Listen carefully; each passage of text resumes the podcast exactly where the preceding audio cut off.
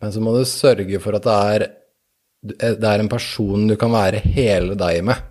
Og den personen kan være hele seg med deg. Og den eneste måten å gjøre det på, er å dele ting som du er redd for at de kommer til å Eller usikker da, på hvordan kommer de til å reagere, og, å si, tåler vennskapet det her, på en måte.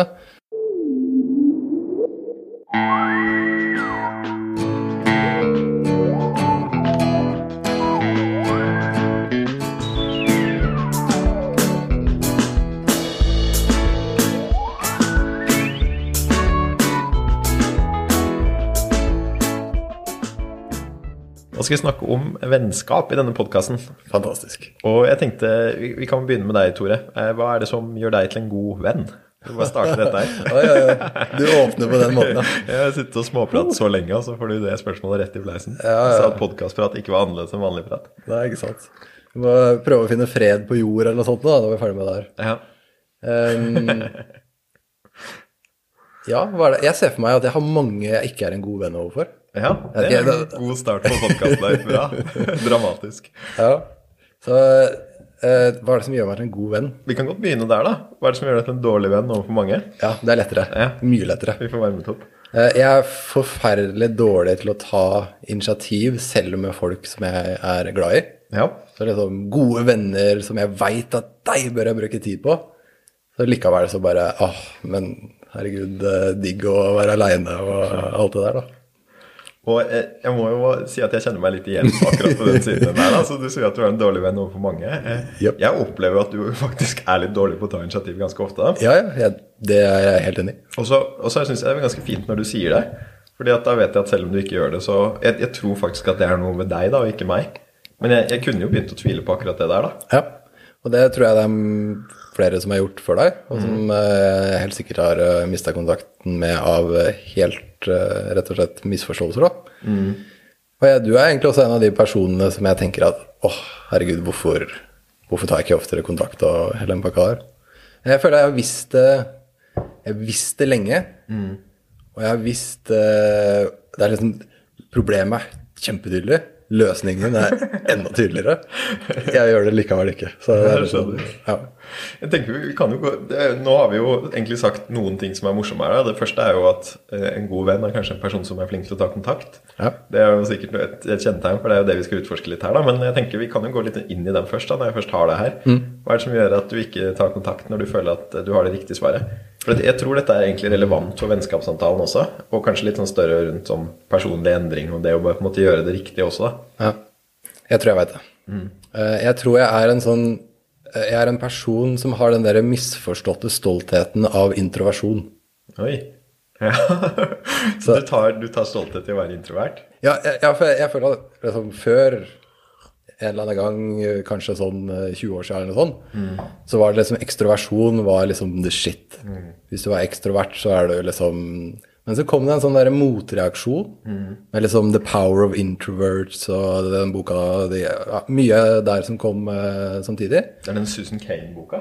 Det kan nok stemme. Det hørtes veldig kjent ut. Ja, jeg, jeg husker jo, bare sånn for å kommentere på den, jeg, jeg leste jo den og ble varm inni meg. Ja. Jeg husker jo også det. Fantastisk, ikke sant? Ja, at endelig får du lov å holde kjeft og være, liksom, nesten være litt, ikke kjip, men gjemme deg bort og gjøre din egen greie da. Ja, og plutselig er introvert. Det er, på, det er litt sånn det er litt hipster-reaksjonen i det. da, At liksom jeg, plutselig er alle egentlig introverte. De mest ekstroverte du noensinne har møtt. Og liksom Super-talkative og liksom har alle de trekka, da. De er egentlig introverte. Og jeg er nok kanskje en av de som bare mm, koste meg inn i den introverte dyna. Ja.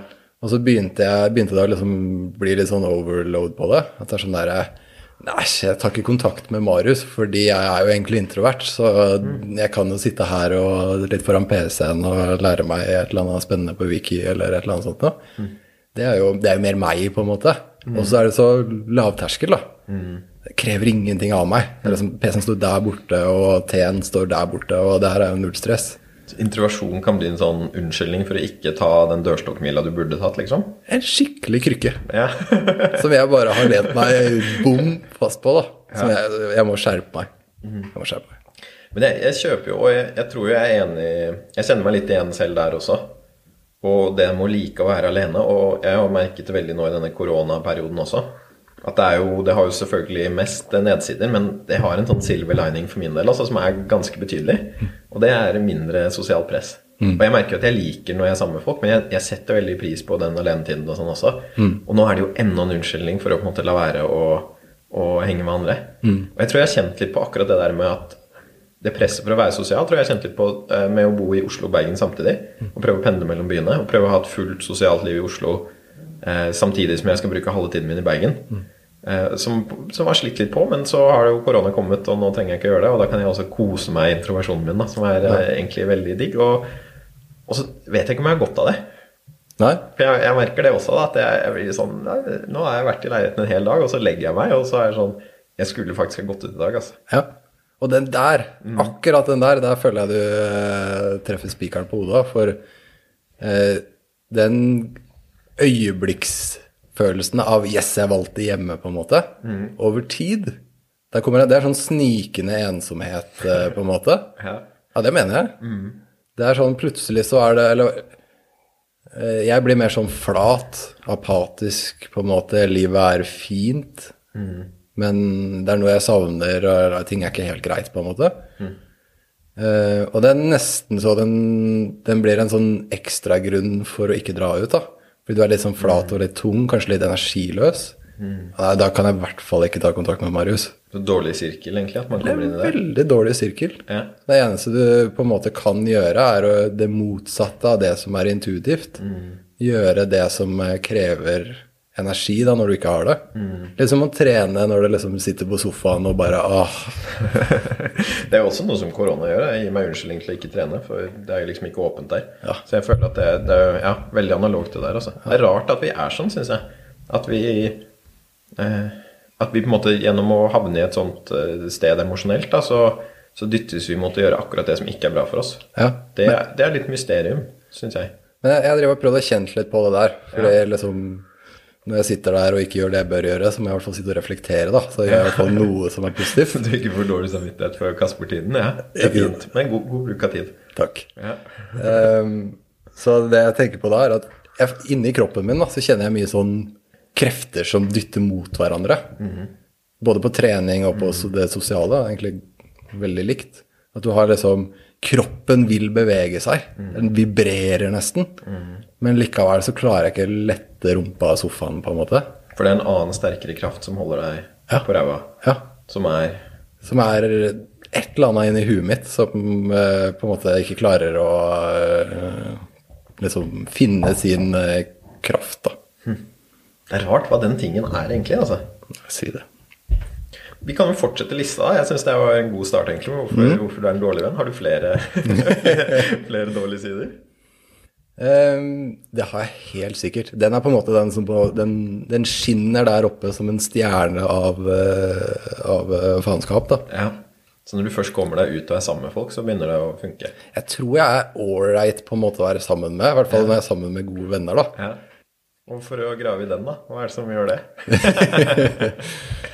jeg er veldig enig, da. Jeg syns det er veldig ålreit når, når vi først får deg hit, så er det helt fantastisk. Takk, så det funker bra. Takk. Hovedgreia er at jeg er genuint interessert i folk. Så det er jo litt derfor jeg ble psykolog òg. Jeg syns mennesker er kjempespennende. Eh, Så når du forteller om et eller annet, så er det liksom ikke noe sånn at jeg må fake eller noe sånt noe, men det er liksom Jeg er genuint interessert, da. Enig. Det skinner gjennom. Nå ble det her en sånn uh... Det ble på deg. Ja. og vi skal jo egentlig ikke snakke om, om deg, Tore. Vi, eller vi skal jo litt det også, men vi skal jo nå prøve å ha en samtale om, eh, om vennskap. Og eh, jeg har egentlig ikke forberedt så mye, men jeg har jo skrevet noen ting her. Da. Og jeg tenker at det er jo liksom noen ting som er Prøve å finne ut hva, hva er en god venn, og hva ser man etter en godt vennskap. Jeg har, jeg har et lite innspill før vi begynner med det, Ja, uh, hvis jeg får lov. kjør. Uh, For jeg tenker at man gjør en antakelse. En antakelse om at man bør ha gode venner, eller at det er positivt å Det er absolutt en antakelse jeg gjør. Ja. Og jeg, jeg synes ikke, du, går ikke du går ikke ut på the crazy ledge når du kommer med den antakelsen, men, eh, men jeg tenker liksom Det er kanskje greit å si litt om hvorfor det her er såpass viktig, da. Og det, det studiet som jeg har lyst til å bare skyte inn her da, det er det her Harvard Det, long, det er sånn Yes. Harvard kom med et studie, jeg tror det var sånn rett før 40-tallet eller noe sånt nå. 1930 et eller annet sånt nå. 38, tror jeg. Så kom de med et eller annet Ok, nå skal vi begynne, også, nå skal vi begynne å se på menn, da. Eh, for det var jo de som eh, gikk på Harvard på den tida. Ja. Og så skulle de også se på menn i eh, et eller annet sånn fattig bydel, i- sikkert i Boston, da, siden det er Boston det er snakk om. ja, for da så du på en sånn cohort, eller en gruppe Harvard-studenter, som var på en måte upper class og de mest privilegerte av de privilegerte. Og så disse Boston suburbs som var på en måte det omvendte, da. Ja. For å få Ja. Og nå har de jo liksom på et eller annet mirakuløst vis da, klart å holde det studiet levende i 80 pluss år. De driver jo fortsatt med det her. Og de er liksom, nå har de begynt å se på damer og heldigvis, da. Litt sånn, eh, Verden har endra seg og alt det der. Det var selvfølgelig menn som var mest eh, Jeg ser det heter um, Harvard Study of Adult Development. Ja. At, at det det. Og Jeg har også faktisk hørt at John F. Kennedy var, var en av de som var studert der. For han gikk da tilfeldigvis på Harvard på den tiden. Det stemmer. det stemmer. Og uh, i hvert fall så så de på det her, og det som er kult, og som jeg føler er en sånn arketyp, da, hvis man skal være litt sånn Carl Jung-person, det er at det man fant, var at viktigere enn trening, viktigere enn om du røyker daglig, viktigere om du drikker daglig, alt det her, det er eh, om du har gode relasjoner, gode og nære relasjoner, stabilt gjennom livet ditt. da. Hvis du får til det Nå er det jo sånn at folk som har det, drikker mindre og røyker mindre. og sånn, så liksom, De er sauses jo sammen på en fantastisk psykologimåte. Ja, Så kausal inferens er en utfordring når det kommer til akkurat det. Ja. Stemmer. Men eh, det predikerte da bedre. Eh, både helse og, og lykke. da. Og det samme når du liksom snakker med folk som er på dødsleiet, du går motsatt vei da, på en måte, og liksom ser tilbake på livet ditt og hva var viktig og sånn, så er det de her gode relasjonene. Likevel så bruker vi masse energi på andre ting, og det er ting folk har hørt tusen ganger før, det er liksom ikke noe nytt. Men det er noe som vi stadig må minnes på, da. Ja. Fordi folk er sånn som meg, at vi liksom Oi, eh, jeg vil eh, være litt introvert i dag, og sånn. Så glemmer jeg hva som er godt for meg. Det der er en fin måte å starte det på. For det, ja, jeg ser hva du mener med at vi kan hoppe liksom bukk over den, egentlig. Hva er problemet vi prøver å løse her? Og problemet vi prøver å løse er hvordan kan vi ha lykkelig gode liv som er verdt å leve, da. Og da virker jo gode relasjoner egentlig som kanskje den viktigste ingrediensen der, da. Det er eh, en podkast som jeg har hørt litt på som heter The Happiness Lab. Kult. Eh, som er en, det er hun som foreleser i eh, et kurs på lykke. Lykken og det gode liv, tror jeg det heter på Harvard. Nei, på Yale er det. Ja. Og der diskuterte de faktisk også den studien på, på en episode hvor de snakket om relasjoner. Men der er jo det samme, da. At de, det er jo flere ting ikke sant, som bidrar til at man har lykkelig liv. Men der sier de at Eller sier hun, da, at eller i første episode så tar de for seg da relasjoner til andre mennesker. Det som jeg syntes var spennende der, som hun snakket om, var at hun både fokuserte på dette med dype, nære vennskap, at du skal ha det, men også relasjonen din til tilfeldige mennesker som du eh, møter når du beveger deg rundt. da. At det å på en måte kunne ha sånn en, en liten samtale med alle du ser på gata, da, eller liksom med bussjåføren eller den som står bak deg i køen og alt mulig sånn. Kanskje litt avstand nå i koronatider, men det å på en måte ha liksom sporadiske samtaler da, med mennesker rundt seg, det virket også som var en greie. da. Det faller jo kanskje utenfor kategorien vennskap, men definitivt innenfor liksom, relasjoner til andre mennesker. da. Ja, ja, du, ja, du nevner jo vennskap, men også de der. Og det, det jeg tenker er jo at hvis du ser på Big Five, da, for eksempel, på ekstroversjon, så ser du at en av de fasettene er jo positive følelser. Ja. Så ekstroverte har ofte mer positive følelser og sterkere positive følelser enn introverte. Det ser jeg for meg henger litt sammen med at de liksom har en naturlig drive da, til å få disse her smalltalk-øyeblikkene til å bli litt sånn ålreite, og de møter folk ofte og hele den pakka der, da. Så tenker du at positive følelser er en konsekvens av å være introvert, da? Fordi man snakker til flere? Ekstrovert? Ja. Ja, ekstrovert, ja. Jeg, jeg tror det er sånn mer forskning må til uh, for å svare på det spørsmålet her. Kan vi ikke si podkast? Det må være bombesikre. Nei da, det er fint. Vi kan være nyanserte. Ja, det. Når det behøves, så er vi nyanserte. Ja, for Det kan hende at måte det gir positive følelser for en ekstrovert fordi en ekstrovert er som de er, men det ville ikke gitt positive følelser for en introvert. på en måte.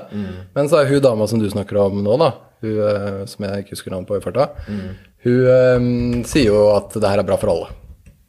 Hun sier det, ja. Og at også for folk som tror at dette er Laurie Santos, heter hun. Så hun sier jo det, ja. At det er bra for alle. Og det er også bra for de som tror det ikke kommer til å være bra for dem selv. Ja. Som inkluderer meg, da. Jeg merker jo det at jeg har ikke noe lyst til å snakke med fremmede, og jeg tror det blir slitsomt. Mm. Jeg husker det, det kan jeg jo si om meg, og hvordan jeg har forholdt meg til andre mennesker, da. Når, jeg husker de første årene på, på NTNU, når jeg gikk der, så tok jeg femmeren til Dragvoll fra Midtbyen. Eh, og da var jeg oppriktig redd for å møte noen på bussen. Fordi at uh, du kan i beste fall ha en samtale som, som kommer i veien for uh, at du får lest boka di. Og i verste fall så kan det bli ordentlig kleint også. Uh, så jeg hadde bevisst en bok som jeg hadde ordentlig opp i trynet, sånn at jeg skulle unngå å ha blikkontakt med andre for å slippe å ha de der samtalene der. Og gjorde egentlig det helt omvendt av det Laurie Santos da anbefaler. da. Ingen sporadiske samtaler. Eller prøv i hvert fall å minimere dem. Det skjedde en, en og annen ubehagelig gang. Det er kult at du har den historien, fordi jeg har en eh, historie fra samme buss. Ja, femmeren.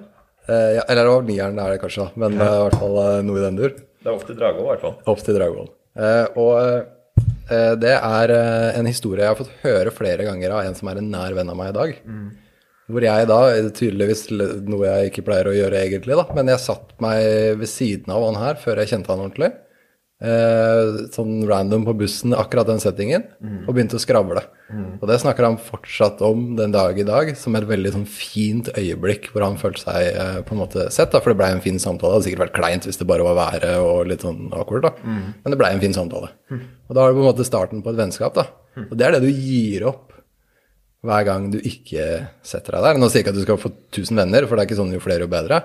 Men Hver gang du ikke snakker med en fremmed på bussen, så kaster du bort muligheten til å bygge et vennskap. ja. Det På en måte. jeg er en, eh, en god oppfordring. ja. Så, Husker du hva dere snakket om? Fordi at eh, jeg tenker jo, Det er jo litt det her med Vi kan komme inn på hva er gode vennskap, men det å bli kjent med folk er jo ikke en selvfølge heller, da. Og det høres ut som det er en forutsetning for å bygge gode vennskap, er jo å få folk inn i livet sitt. Og ensomhet er jo også en, en biggie i Norge. Det, jeg husker ikke tallene på det, men jeg blir alltid overrasket når jeg ser tallet for antall nordmenn som er ensomme. Og vi har snakket om hvor viktig det er å ha gode relasjoner. Det å ha ingen relasjoner er jo eh, sikkert eh, ja, det omvendte av det. da. Og, og jeg har inntrykk av at det også er assosiert med både ja, all mulig psykiske lidelser og selvmord og det som er, på en måte. Hva snak, husker du hva jeg snakket om? For å, for å da få kuren for alle folks eh, ensomhet. Jeg husker ikke, ikke litt engang. Jeg husker jo nesten ikke hendelsen. Så får, den er jo fortalt av han kompisen min, da. Um, så um, det kan jeg ikke si noe om. Men det jeg kan si noe om, er at uh, jeg tror det er veldig uheldig da, at vi som nordmenn har fått en sånn litt sånn Vi er litt sånn stolte av den identiteten av og uh, at vi sitter Vi sitter, setter oss ikke ved siden av hverandre på bussen, på en måte. For sånn er ikke nordmenn. Uh, så vi er, vi er introverte pluss den norske kulturen Ja. som gjør at vi på en måte trekker oss mer og mer inn i Litt sånn som Harald Eia har snakka om med det her eh, uavhengighet, og vi skal ikke plage andre, og vi skal stå på egne ben og alt det der. Ja, og at uavhengighet er den definerende norske verdien. At det er det som egentlig kjennetegner oss fremfor alle andre trekk. Ja. Så vi isolerer oss selv med stolthet. Det er noe Det er også det, dum, eh, det omvendte da, det hun Laurie Santos da sier at man skal gjøre for å bli lykkelig også. Ok, Så, så det er jo kanskje en måte å, å gjøre det på. på en måte, Dette med å tiltrekke seg andre mennesker og begynne å prate med folk. Og en ting som jeg har tenkt, som jeg, som jeg har slått meg, og hvor jeg føler at jeg har gjort noe riktig selv, da, det er å aktivt gå inn for å få nye venner i voksen alder. For det opplever jeg at en del nesten sier at det bør man ikke gjøre, og at det er nesten en litt sånn tegn på at du er en litt sånn taper hvis du går inn for det prosjektet. Det er noe man på en måte burde, må, burde ha på plass da, etter, eh, i hvert fall etter fullført studietid, kanskje allerede etter videregående skole også. Jeg opplever at jeg stadig møter nye mennesker som, eh, som jeg vil ha inn i livet mitt, da, som, som har kommet nå også nå etter fylte 30, det er ikke så lenge siden da. Eh, og jeg syns jo egentlig at jeg har bedre og bedre forutsetninger også for å, å skaffe meg nye venner. Det er ikke sånn at jeg kaster alle de gamle på sjøen, men nå vet jeg jo litt mer hva, hvem jeg er, og um, hva jeg liker å holde på med, og hva som interesserer meg, og sånn, så jeg kan på en måte være litt mer sånn målbevisst. Og så tror jeg jeg er mye tryggere på meg selv enn jeg var da når jeg eh, satt her på Dragvoll på femmeren med liksom boka mi og helst ville unngå de samtalene også. Og den tror jeg liksom at verktøykassa vår, da, den sosiale verktøykassa vår, burde jo i hvert fall vokse litt som, som vi blir eldre også, da. Eh, Og at vi egentlig har mye bedre forutsetninger for å få, få de riktige vennene nå enn når vi var yngre. Helt klart. Og jeg ser for meg at du også kjenner, eller kjenner litt på den der norske kulturen når du gjør det. At det er sånn Ok, de jeg, kommer, de jeg kommer til å se på meg som en raring. De kommer til å tenke at jeg er litt rar. Ja. Jeg må komme meg over den kneika, sånn at de ser at jeg er en normal, hyggelig fyr som bare er kontaktsøkende. Ja, og jeg er enig, og det er, det er litt det, altså. Og så syns jeg også jeg har møtt en del folk som har vært veldig sånn positive til dette her også. Da. Jeg tror jo min siste sånn øh, venn har jo vært Ernst. Og, og det som har på en måte hjulpet meg også å bli satt i kontakt, er jo at vi har blitt satt i kontakt eh, av en felles venn. Så det, det ufarliggjør det. Det litt, det er jo nesten litt sånn, Jeg snakker om nesten litt som dating her. Jeg føler at vi eh, Jeg og Ernst er litt sånn tidlig datingfase, på en måte. Jeg husker at du sa dere hadde kjærlighet ved første blikk. Ja, vi hadde det faktisk. Det var veldig fint. Og jeg, det var jo akkurat som en date. Vi satt og snakket i timer og smilte, liksom, og alt sånt var fint. Og man sier jo også det med kjærester, at man skal møtes eh, gjennom venners venner. Og det tror jeg er et fint triks med venner også, da. Kanskje være mer aktiv på å sette, sette egne venner i kontakt med andre venner også, da. Og liksom merge nettverkene. Han har jo da opplevd at eh, Jeg tror vi faktisk har snakket om det. Snakket om at det er egentlig Det er jo fint å bli kjent sånn i voksen alder. og dette er jo kanskje noe som egentlig er litt rart, men kan vi ikke bare prøve dette her likevel? Så, det er, eh, så jeg tror det er godt mulig, og jeg tror den der samtalen er ganske sånn ufarlig å ha, egentlig, hvis man prøver det også.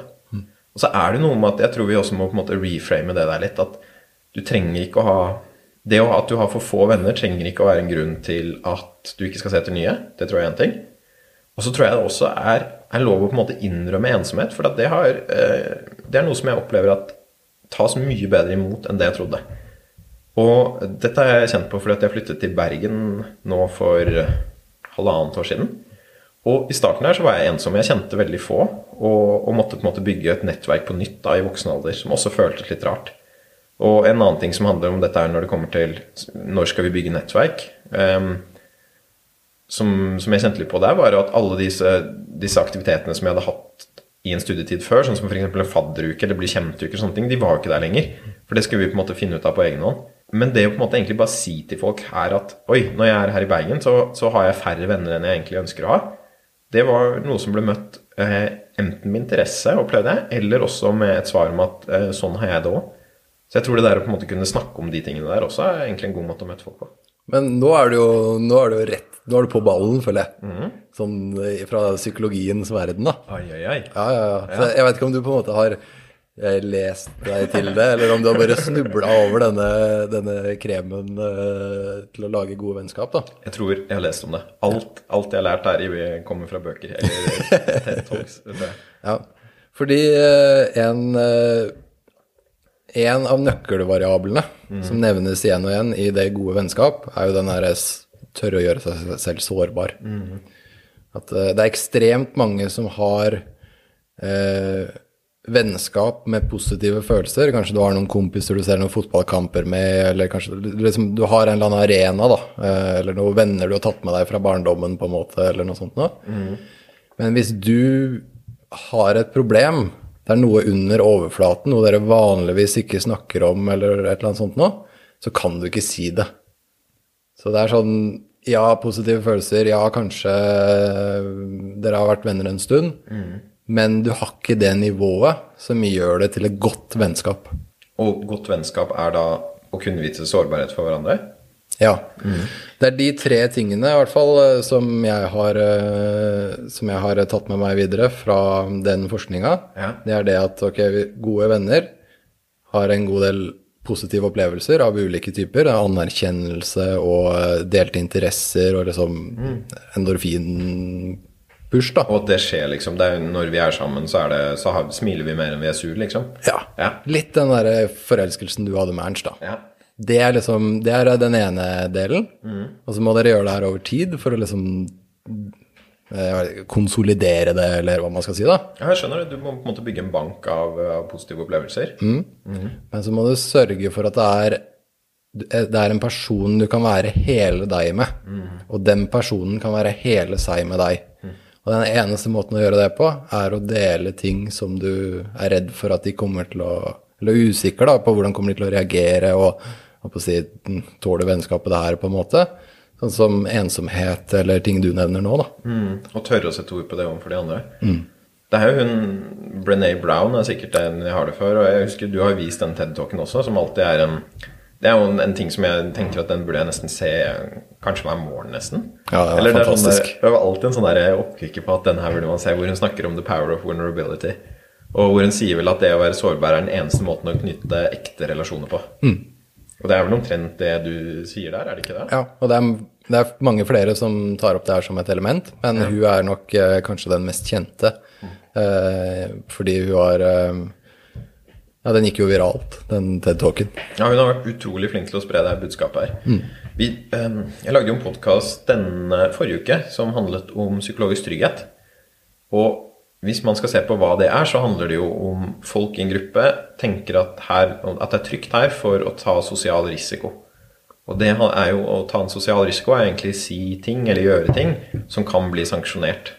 Og det kan jo f.eks. være å kritisere noen som, som har høy status i gruppa, komme med en idé som ikke er helt ferdigtenkt, gå imot flertallet, sånne ting som det, eller prøve å bare stikke fram hodet på en eller annen måte. Stille et dumt spørsmål er den klassikeren, kanskje. Ikke sant? Som, eh, som du tenker, og det er jo ofte veldig sunt i grupper, ikke sant? for det er andre som lurer på det, og så slipper man at man har en sånn illusjon om at her henger alle med. ikke sant?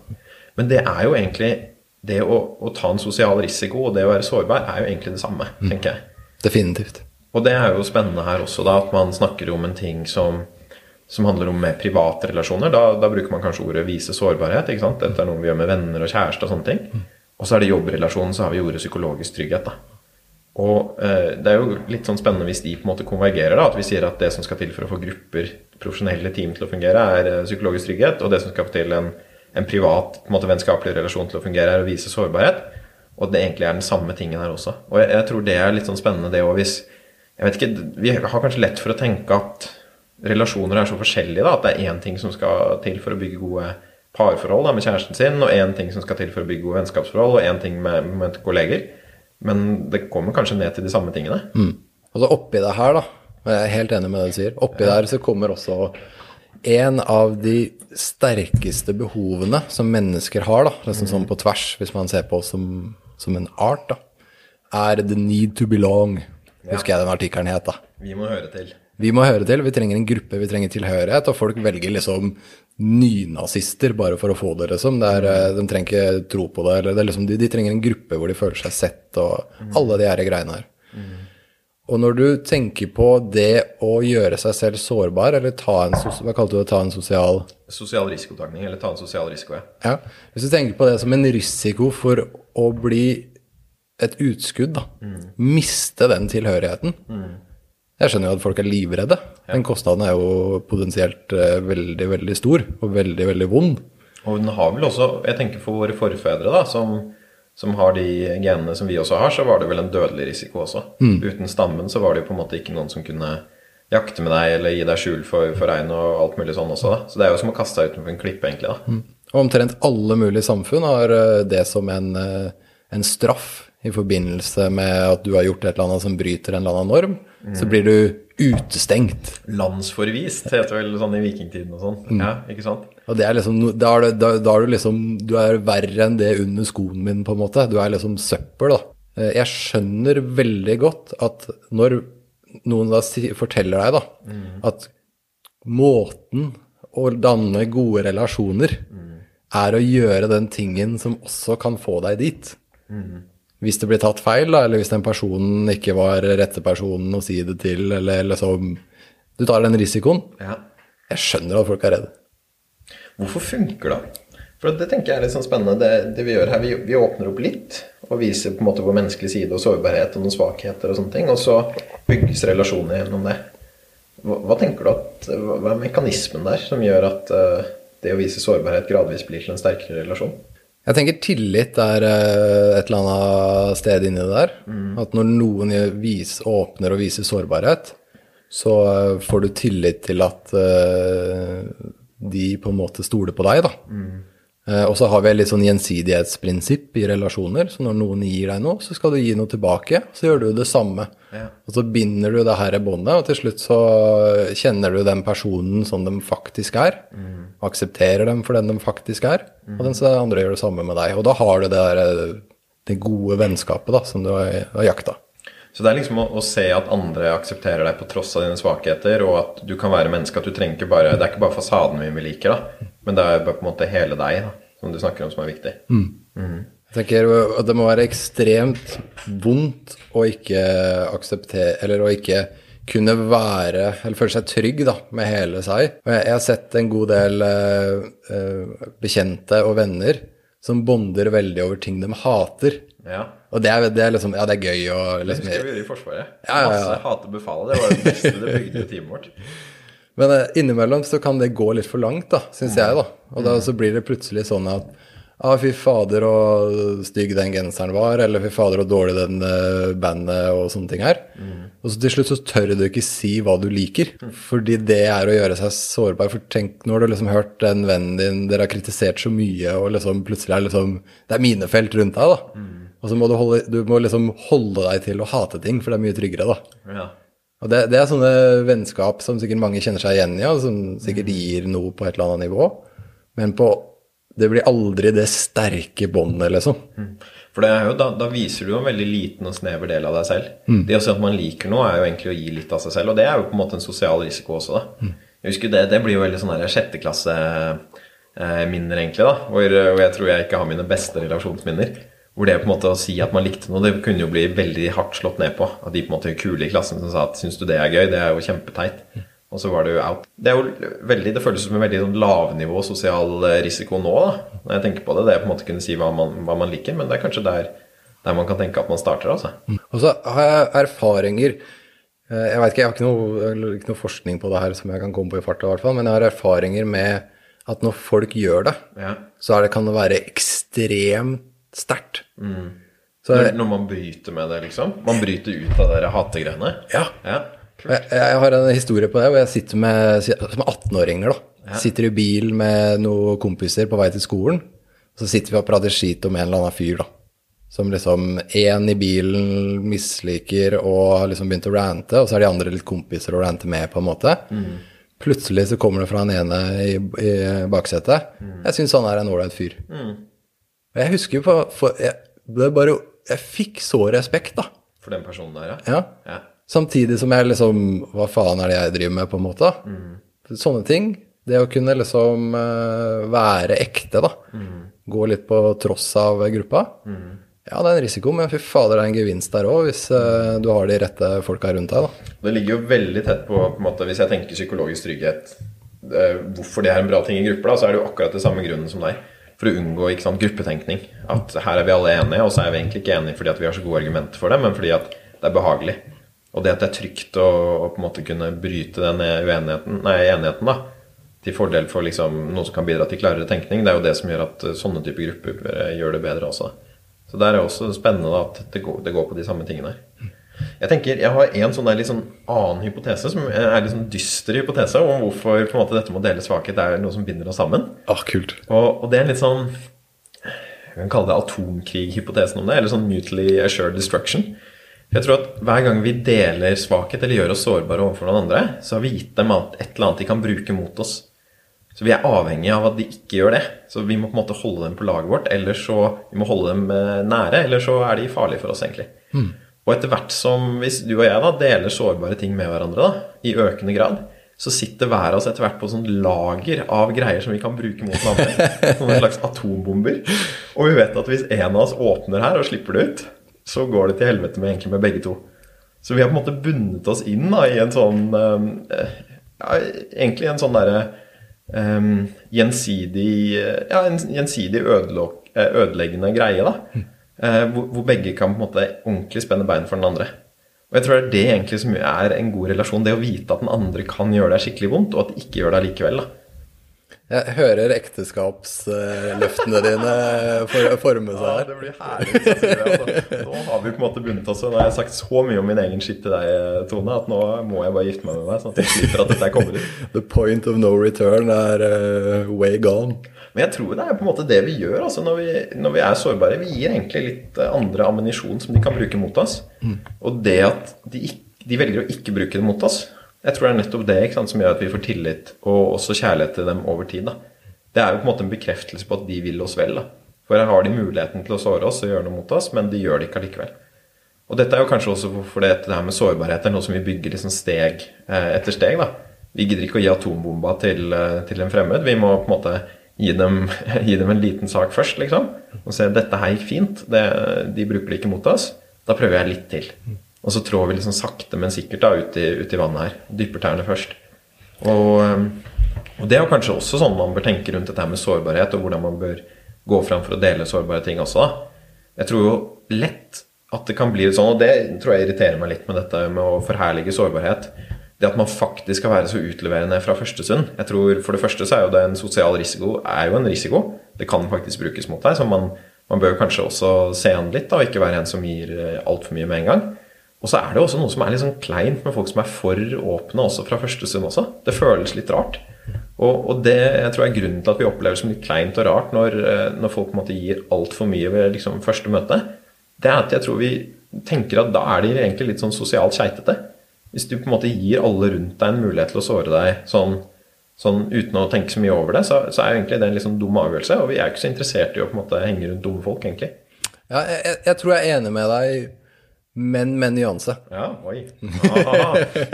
Du nyanserer nyansen som jeg hadde på, på deres sårbarhet. Oh, yeah. Perfekt. Uh, og den nyansen det er at uh, jeg syns det er noen som får til å vise usikkerhet og sårbarhet på en veldig trygg og varm og fin måte. Kult. Som liksom sier at uh, Du kan liksom si at det er jeg redd for. Mm. Men med en sånn sånn Det oser alt annet enn frykt på en måte av deg, da. Mm. Ikke at du er ingenuin, men at du liksom Du er trygg med at du er redd. Mm.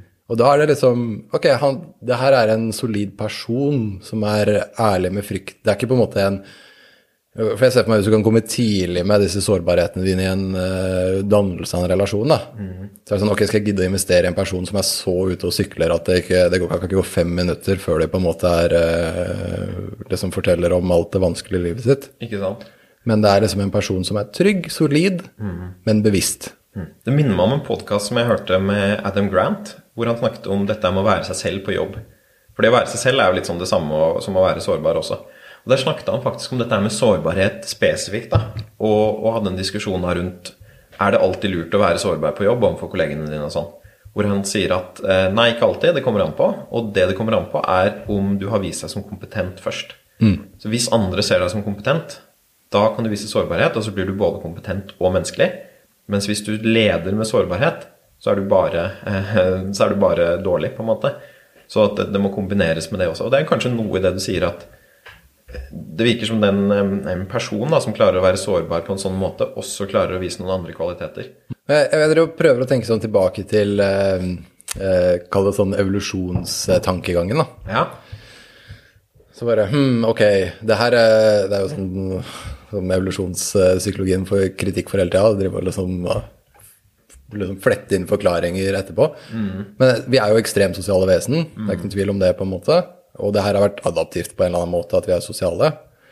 Men jeg ser for meg liksom at når du le legger deg til å sove, og du sier liksom 'Marius, du tar første vakta, så tar jeg neste', ja, du gjør deg selv ekstremt sårbar på en liksom fys fysisk liv og død-måte. Da kan jeg liksom slå deg i hjel. Ja, eller du kan bare sovne fordi du ikke er til å stole på, og så dør vi begge, eller eh, liksom Hundre ting kan skje, da. Ja. Så lenge du ikke er til å stole på. Men det her har vært adaptivt, da, så lenge vi på en måte er litt sånn cirka flinke til å finne ut hvem vi bør stole på og ikke, da. ja, Så det er også noe på en måte å selektere litt på her. Ja.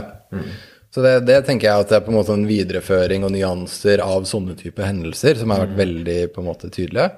Eh, at hvis du er klar over at jeg har denne frykten eller har denne, disse svakhetene sånn og sånn, sårbarhetene, så kan vi som team, når vi går ut og jakter på dette store dyret, Ja. spille hverandre gode.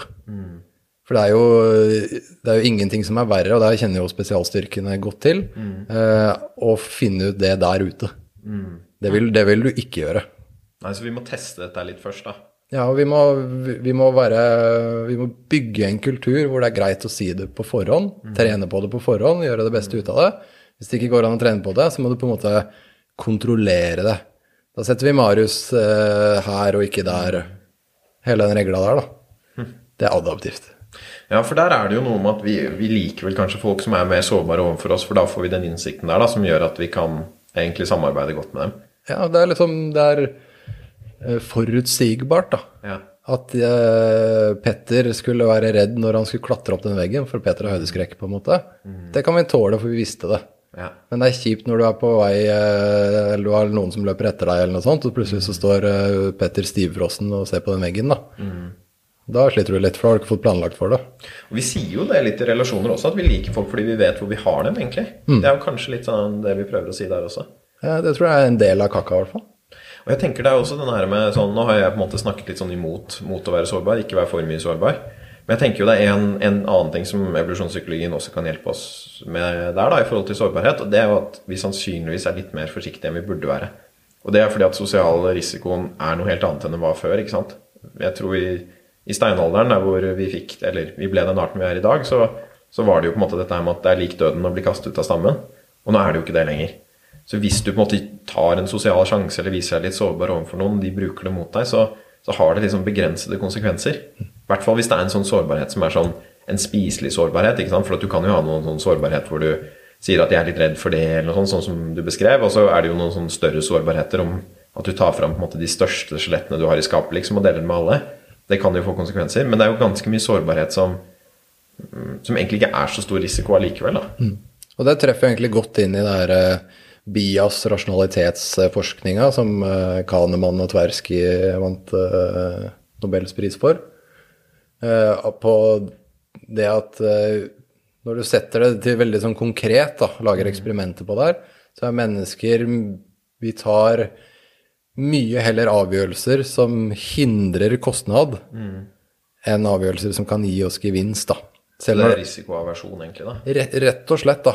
På langt forbi det punktet som er eh, matematisk eller liksom sånn objektivt riktig. Ja. Så tar vi liksom og sikrer oss eh, langt bakpå. Fordi det helt sikkert har vært adaptivt tidligere, men ikke nødvendigvis adaptivt nå lenger, da. Nei, og det, det passer jo sånn, for å flette inn anekdoten som jeg startet med, liksom, i forhold til Bergen, da, å kunne på en måte sette ord om på, overfor andre om at jeg er ensom, så passer det jo veldig inn i den historien der med Kahneman og Tversky også. At jeg tenkte at dette er jo en kjemperisiko, dette er skummelt, og det føltes ordentlig skummelt også, å, å begynne å si det at her i Bergen har jeg ikke så mange venner som jeg skulle ønske jeg hadde. Men at det ble mottatt mye mer positivt enn jeg trodde også. Som tyder på at, på måte, at den eh, risikoaversjonen sitter ganske dypt i, i meg, og at det veldig ofte det er lurt å, å trosse den ganske mye. Mm. Har du noen sånne go-tos for å være sårbar overfor andre, eller? Er det noen sånne ting som, som du gjør da? For hvordan ser det ut? For det er jo litt sånn Kanskje vanskelig å se for seg hva er det egentlig en sånn sårbarhet er, da. Og Ja. Jeg har eh, Eller eh, go-tos. Eh, Jeg har det kanskje litt sånn Da er det ikke sårbart lenger, da, hvis man har en sånn go to-liste over det. Jeg vet ikke Ja. om det er en type ting du, du deler da.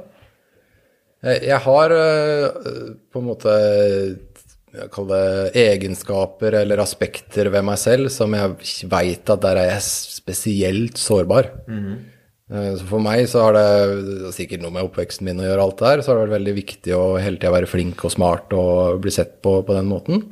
Er Godt likt eller som en annen en, men som henger sammen og hele den pakka der. Eh, og der merker jeg spesielt det med flink og smart, at hvis jeg ikke føler meg som det, så kan jeg jobbe veldig hardt for å skjule det. Heller enn å liksom si at eh, nå er jeg på dypt vann her, Eh, jeg skulle gjerne hatt hjelp, eller eh, bare for å få litt støtte eller noe sånt noe. Dekke til den, og så prøve å liksom se flink ut, da. Ja. Og det kan ha veldig uheldige konsekvenser. Så det er på en måte Det er mange aspekter hvor jeg kan være sår på ting som andre tenker 'oi, så ærlig', på en måte, og at du turte å si det, men som ikke egentlig er så sårt for meg. Mens det her er noe som er kjempesårt, som andre kanskje kunne sagt og 'det er ikke noe stress å si'. For det er nærmere knyttet til måte din egen sånn selvbilde, eller hva som er viktig for deg selv, og Ja, egen rett og slett. identitet. Ja. Mm. Jeg syns også det er litt sånn spennende det du sier med at um, hvis du føler at på en måte, det intellektet eller evnen din til å tenke er på en måte truet, da, så prøver du å skjule det. Mens kanskje hvis, hvis du føler at her er du veldig på topp om ting, så du sier smarte ting, og sånn, så er det lettere å vise det også. Og det er jo litt det der med at ehm, det er faktisk vanskelig å, å vise sårbarhet når vi faktisk er sårbare også. Og, og jeg merker jo litt at når jeg er i en gruppe hvor, hvor jeg føler at jeg har en høy status, da, at andre på en måte ser til meg, og jeg sier ting, og folk nikker og sånn, så er det veldig lett for meg å være sårbar. Mens i andre grupper hvor jeg føler at det ikke skjer, så er det ganske vanskelig å være sårbar. At jeg blir mer sånn beskyttende overfor meg selv og sånn også. Og det syns jeg egentlig har vært en veldig fin, fin, ting å på en måte innse med meg selv. At jeg er så, jeg, det er så kontekstavhengig da, hvor mye sårbarhet jeg er villig til å dele. Fordi jeg tror det gjør meg mer tålmodig overfor andre som ikke er så villige til å være sårbare, i en gitt kontekst også. Fordi at ja, jeg har på en måte vært der selv også. Fordi jeg, jeg tror før så har jeg vært litt sånn dømmende overfor folk som, som sier at Ehm, eller som, som, tydelig ikke er sårbare. da, Man ser at de er liksom på defensiven og sånn. Og tenkte at ja, her, dette må være noen usikre folk liksom, som, som, ikke klarer å være sårbare i denne settingen. og sånn også. Men uh, i hvert fall av egen erfaring da, så merker jeg at det er så kontekstavhengig med meg, da, som, som gir en sånn ekstra tålmodighet med det også. Mm. Og den opplevelsen har jeg òg. Og jeg syns eh, Nå har jeg litt sånn sett litt på baksida teppet når det gjelder psykologstanden. da. Mm. Så man tenker at kanskje å, de her er godt drilla på det å være trygg. og eh, på en måte Vi har jo et sånt fag som går over seks år i studiet, som du skal dele, og du skal liksom sånne ting. Og jeg tror den gjengen da, mm. er eh, godt trent på å virke god til å vise sårbarheter, mm. men på visse ting Eller liksom Du fronter noe. Mm. Du gir noe til publikum som gjør at du Å ja, det er reflektert og tør å gjøre seg sårbar. Mm. Men den handlingen skjuler det du egentlig er sårbar for, da. Så du, jeg tror, og det tror jeg gjelder eh, ikke bare psykologstanden, men andre som på en måte har trent seg litt til å eh, få det til, tror de. Eh, også når uh, de ting kommer til stykket, så funker det ikke fordi du er ikke ærlig med deg selv. Mm. Det er spennende om det, det funker eller ikke, da. Ja. For jeg opplevde litt det der med den, um, den ensomheten i Bergen. At etter hvert så var det sånn Oi, dette funker jo. Mm. Dette får jeg god respons. Ja. Dette er en sånn fin type sårbarhet som jeg kan være. Det, for det sluttet å være sårt etter en stund, ikke sant. Mm. For det, det, var jo det, Jeg innså etter hvert at det der var egentlig ikke en sosial risiko å si. Mm. Ikke sant? Det var ingen som dømte meg for det, og det ga en god respons og alt mulig. Og så merket jeg at jeg, jeg fortsatte å si det litt, fordi at dette var jo bra for relasjonen jeg var i. Det var en sånn sårbarhet som jeg, jeg kunne vise som var veldig spiselig, som egentlig ikke var sår men som på en måte fremsto som genuin sårbarhet. da. Eh, og det er kanskje litt at jeg avslører meg selv når jeg stiller deg det spørsmålet om har du noen go-tos liksom, når det kommer til sårbarhet. For det kan jo fort bli det der. Men jeg har egentlig, da, og dette er jo kanskje noe jeg ikke burde si, da, men jeg har litt sånn troen på en sånn fake it till you make it-tilnærming til sårbarhet også. Og at du faktisk Jeg ser for meg at de psykologene du snakker om, faktisk er ganske gode til det, og at de i veldig mange av tilfellene så fremstår de oppriktig sårbare. da. Jeg vet ikke om, Føler du at du klarer å på en måte Eh, skille genuin sårbarhet fra, fra falsk sårbarhet? Ikke alltid, men mm. noen ganger så virker det litt sånn innøvd, kanskje, og litt uh, Det høres ut som du har sagt eller fortalt den historien, for det er ofte forbundet med en historie, da. Mm. At uh, ja, da jeg var 15, så var jeg sånn og sånn og opplevde det og det. Og, mm. og det er på en måte en sånn objektivt sett så kan du si at oi, det her er jo en kjempeprivat historie. Mm. Men historien er den fortelles med en litt sånn avstand Du kjenner at det er noe rart der. Ja. Og den historien her har blitt sagt før. Og da, da, har du jo på en måte For jeg tror du kan gjenkjenne at her har du du har øvd, og du har liksom klart å trekke fram akkurat de sidene som, som er sosialt akseptable nok til at du kan si dem. Mm. Og så kanskje du ser litt på personen også, at dette er jo ikke sårt i det hele tatt. da. Nei. Og så setter de det ofte dem i et litt sånn godt lys. Mm. For enten sånn var jeg før, og nå har jeg ser hvor mye jeg har vokst, på en måte. Eller eh, jeg kom igjennom det selv om det var vondt og vanskelig. Det er, det er liksom, du sitter igjen med en sånn eh, eh Du er liksom Du beundrer personen som sier det, da. Ja. Så du har, ikke, du har, på en måte ikke delt noe som har vært vondt. Nei, det, er bare, det er litt sånn humble brag, egentlig. Det er det det blir. Ja, men... Det er en tynn linje altså, mellom sårbarhet og humble brag. Ja, men nå føler jeg at det er, det er, sikkert mange som føler seg treffet av akkurat den der, og det er ikke alle som fortjener den der, men jeg tror det gjelder ganske mange. Jeg tror at eh, vi ikke skal moralisere så mye overfor deg, og jeg tror jeg faktisk vil slå et slag for fake it till you make it, faktisk, og at det er lov å humble bragge litt, gitt at det gir ordentlig effekt. Ja. Men så må man passe på, da, for det er en tynn linje at eh, som Jeg tror hvis du har en historie som, som, får deg til å fremstå sårbar, og som hjelper deg å bygge relasjoner, og som kanskje fungerer også som et sånn første steg mot reell sårbarhet.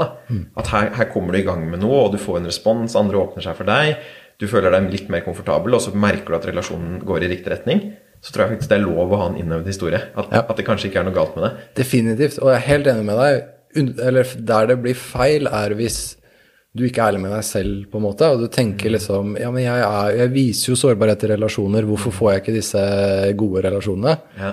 Jo, fordi du gjør det egentlig ikke. Du bruker den her historien din som eh, egentlig ikke er ekte sårbarhet. Så du, du kan bruke fake it till you make it, men ikke overfor deg selv, da. Hm, god regel. En måte som jeg tenker at det går an å være sårbar på For jeg tror ofte når vi snakker om sårbarhet, så er det disse her De stereotypiske sårbarhetshistoriene er jo disse barndomshistoriene. Dette skjedde med meg eh, før, liksom, og det var en vond barndom, og bla, bla. Og så har du på en måte utlevert deg selv litt, da. Men litt som du sier, det er utrolig mye lettere å være sårbar eh, om fortiden sin enn nåtiden sin. Ikke sant? At hvis du har en sånn silver lining, eller at det er en, det er en vending på historien mot det bedre, da, så, så, blir det egentlig ikke sårbart i det hele tatt. da. Og jeg, jeg, tenker En måte å komme rundt det på er jo egentlig at sårbarhet kan være å være helt transparent med akkurat hva du føler og tenker her i øyeblikket. Og det tror jeg funker, fordi at hvis jeg kan tenke nå da, at det er en sårbarhet som er utrolig vanskelig å fake. Sant? Hva er det man sitter med akkurat her nå? Hva er det du føler på? Er det, er det noe som er rart? Er det noen som har sagt noe dumt? Hva tenker du om akkurat den tingen som ble sagt? da? Og, og la folk få innsyn i egen, egne tanker. da.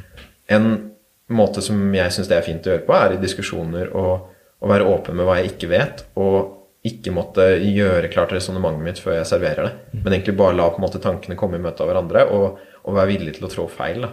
For det merker jeg kan være sårbart for min egen del, fordi jeg tror litt som deg, da, så setter jeg veldig mye, eller jeg knytter min egen identitet til evnen til å eh, formulere gode setninger da, og si smarte ting hele tiden.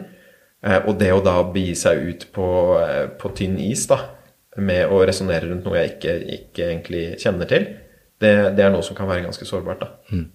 Så ja, mer sånn i nuet, og, og det merker jeg også. Jeg tror jeg har en bias mot det I etterkant har jeg drevet mye med meditasjon og, og, sånn også, som er veldig fokus på å være her og nå, ikke så mye i fortiden. Og at disse sårbarhetshistoriene rundt hvordan barndommen din var, eller noe som har skjedd før, da, kan egentlig bli en sånn distraksjon, egentlig. da, Må være åpen og ærlig om hvordan du opplever ting akkurat i nuet. Jeg, jeg er helt enig med deg. Jeg tenker at det er litt sånn svart belte-versjonen. Det er liksom next level sårbarhet? Ja, for, fordi det, det, det, krever ganske mye, da. Ja. Fordi jeg ser for meg at uh, Si jeg sier et eller annet da, mm. som vekker en følelse i deg av en eller annen form for sårbarhet. da. Mm. Uh, så må du, du må registrere at det skjer. Mm. Du må finne ut på en måte ok, hvilken følelse er det jeg kjenner nå. For det, først er det kanskje bare en aktivering. da. Så må du liksom gå tilbake liksom, ok, hva var det som trigga den? Det krever en god del selvinnsikt. Alt det her skal skje i et øyeblikk hvor du sitter i en liksom, mm. Og så skal du handle på det og si at ah, når du sa det, så ble jeg lei meg. Mm. Så du må være trygg nok og på en måte assertive nok da, mm. til å faktisk gjøre det i øyeblikket. Det er mange nivåer av uh, hard shit da, du skal gjennom sånn. da. Jeg merker at Når du sier det her, så tenker jeg at kanskje dette her bare blir en ny humble brag. Og kunne være sånn sårbar om øyeblikket. For det du egentlig viser, er jo eh, mye sosial kompetanse. Mm. Og så er det egentlig å vise litt dominans også, tenker jeg. da. At denne situasjonen er så lite stressende for meg. At jeg klarer å gjøre alle disse tingene. Jeg klarer å registrere det, jeg tør å sette ord på det. Jeg tør å ta denne sjansen, da. Som, som det er å på en måte bare utlevere meg selv mm. med en historie jeg umulig kan ha på en måte øvd på i, i forkant. Så det er jo enten da at du viser at du er dominant, eller at du er veldig trygg i setningen. Da. At du ja. stoler på den andre. Ja, eller ja, du, du, viser jo en ferdighet som ikke alle andre har. Ja. Så kan man se er det bragging eller ikke, det, det veit jeg ikke, men du gjør jo det. Ja. Og hvis du tenker litt sånn uh, Big Five igjen, da, mm. så er jo det, det er jo en egen fasett i ekstroversjon som heter selvmarkering. Mm. Så det er noen som har det her lettere på en måte i seg enn andre. Så kanskje ikke like humble brag hvis det kommer naturlig. Jeg veit ikke. Det er en god del sånne greier, da. Ja. Men uh, jeg tror i hvert fall at hvis du kommer til det punktet hvor du klarer alle de nivåene mm. nesten momentant, da. Da har du kommet langt. Men har du kommet langt i sårbarhet, eller har du bare kommet langt i på en måte, evne til å navigere sånn, sosiale interaksjoner? Jeg tror det henger veldig tett sammen. Ja, det er egentlig det samme, det. I hvert fall, ja, kanskje. Det du får til Du får til en kjempegod selvinnsikt fordi du liksom du registrerer Du bruker følelsene som en informasjonskilde til å på en måte håndtere omverdenen. Mm. Men du lar deg ikke styre av dem. Mm. Så du, det er ikke sånn at bare fordi du kjente sinne, så klikka du på han på andre sida, på en måte, eller løp borti gråt, eller hva man gjør da når man blir sint. Eh, men du liksom Du kjente på det. Du klarer til og med å vise det, at du er sint, men det du sier, er at et eller annet konstruktivt da, som den andre personen klarer å ta imot. En ting som, som jeg tror var et eksempel på, på sånn sårbarhet i øyeblikket, da, som jeg husker du viste en gang, det var, når, det var faktisk eh, deg, meg og Ernst som satt og, og snakket uh, over en øl på den Oslo Mekaniske. Og uh, da spurte du følgende spørsmål. Vi snakket om hierarki og, og dominans, og, og, hvor er dere i deres hierarkier? Og da husker jeg du stilte spørsmålet Hvem er høyest i vårt hierarki her nå? Oh. Og det, det, er jo et sånt spørsmål. Der er det ganske mye sosial risiko som tas samtidig. Opplevde du det som sårbart å stille det spørsmålet der? Definitivt. Og jeg, jeg merker nå at når du tok opp temaet, så syns jeg det Jeg synes det var ubehagelig. Jeg ser litt på deg. Så det er bra du gjør det, ja. for det er jo det her vi driver og formaner. Mm. Men ja, det var kjempeubehagelig, spesielt siden jeg veit kanskje, kanskje, enda mer med menn, da. Mm. At det er en litt sånn Det er et sterkt indre ønske om å være en eller annen form for alfa, eller i hvert fall være høyt i det hierarkiet, da. Mm. Jeg merket at vi ble jeg, jeg, tror jeg er helt enig med deg, og jeg merket at vi alle ble litt sånn skjerpet da. Og vi lo det var litt sånn nervøs latter også som sprer seg der, da. Hos oss som skal være liksom trygge gutter og, og sånn. Og, og, jeg tror det der som gjør det der til en sånn ordentlig sårbar ting, da. For det er jo ikke kanskje det man klassisk forbinder med å vise sårbarhet og stille et sånt spørsmål. Det er jo at du vet jo ikke hva svaret blir. Og det kan kanskje bli noe som er vanskelig å håndtere for gruppa, og vi vet ikke helt hvordan vi håndterer de tingene heller. Så jeg opplevde at det var på en måte man kan kalle det reell sosial risiko da, som ble tatt der. Ja. vi vet jo ikke ja, Har vi evnen til å på en måte kunne sette ord på det her? Tør vi være ærlige med hverandre da? Mm. Og, og, hvis noen er så ærlige og sier at jeg, jeg er faktisk den dominante her, da, mm. så klarer vi, klarer vi, andre på en måte å, å, å ja, håndtere det på en god måte. Det var ikke gitt. Og jeg var jo usikker, selv om jeg føler meg veldig trygg på dere to. Jeg kunne ikke sagt eller liksom stilt det som et spørsmål hvis jeg ikke gjorde det. Ja. Men samtidig så er det litt, alltid et sånn nivå av usikkerhet om at hvis du da sier at eh, 'jeg tror ikke det er meg', mm. er det humble brag på en måte fordi du vil at vi skal si 'jo, jo, det er jo deg', på en måte? At du ja. liksom fisker litt etter Ja, da blir det kanskje ikke humble brag, da, men liksom du fisker etter, da. Ja, men det blir litt det samme, ja. ja. Mm. Eller er det det at du genuint mener det? Mm. Ja, og ikke sant, og Man kan jo dra den 'var du egentlig sårbar', eller ville du bare at vi skulle peke på deg liksom, og si at ja, det er jo deg, Tore. Ja. ja. Så man må være veldig trygg da, mm. for å kunne stille det. Så det det er én ting jeg er trygg på dere, men jeg veit også at dere syns sånne ting er litt spennende, da. Mm. Og liksom dere tåler Jeg føler dere tåler, da. Mm. Kunne ikke gjort det i mange grupper. Mm. Nei, og har, de reflekterer jo kanskje hverandre også, da. At det er gøy å ta, ta interaksjonen til et så krevende nivå. Da, at vi føler, vi føler, oss kanskje litt spesielle også. Vi, vi, vi håndterer den samtalen, liksom. Så, ja. så mye selvinnsikt og selvfølelse har vi, liksom, at, at det gikk.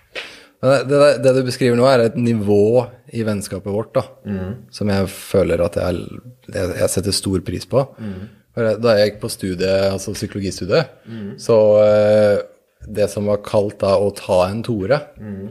det var også gjøre et eller annet sånt, påpeke et eller annet øyeblikket som Uh, skapte mye ukomfortabel uh, Det var, det var liksom Ting to som gjør Tore til en dårlig venn, da. ja. Du gjør faktisk det i interaksjonene dine. Ja. ja. Og en, en, av mine nærmeste venner, da mm. uh, Jeg går på spesialiteten med, med, han. Og han sa det at det er en av de tingene som gjør det Som senker tryggheten ja. av det å være sammen med deg. For du veit aldri helt om jeg kommer til å på en måte kaste eller påpeke en eller annen elefant i rommet som skaper veldig mye ubehag, da. Mm. Eller om jeg bare plutselig ikke gjør det, eller Det er liksom litt sånn uh, uttrykk, da. Du er en joker, liksom? En sosial joker? Ja. Du vet ikke hva som kommer?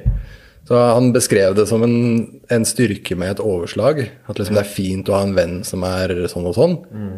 men det er litt skummelt. Mm. Hm. Var det en, en, måte å vise sårbarhet på interaksjoner, eller hva var det som hva er sånn motivasjonen bak å ta en Tore?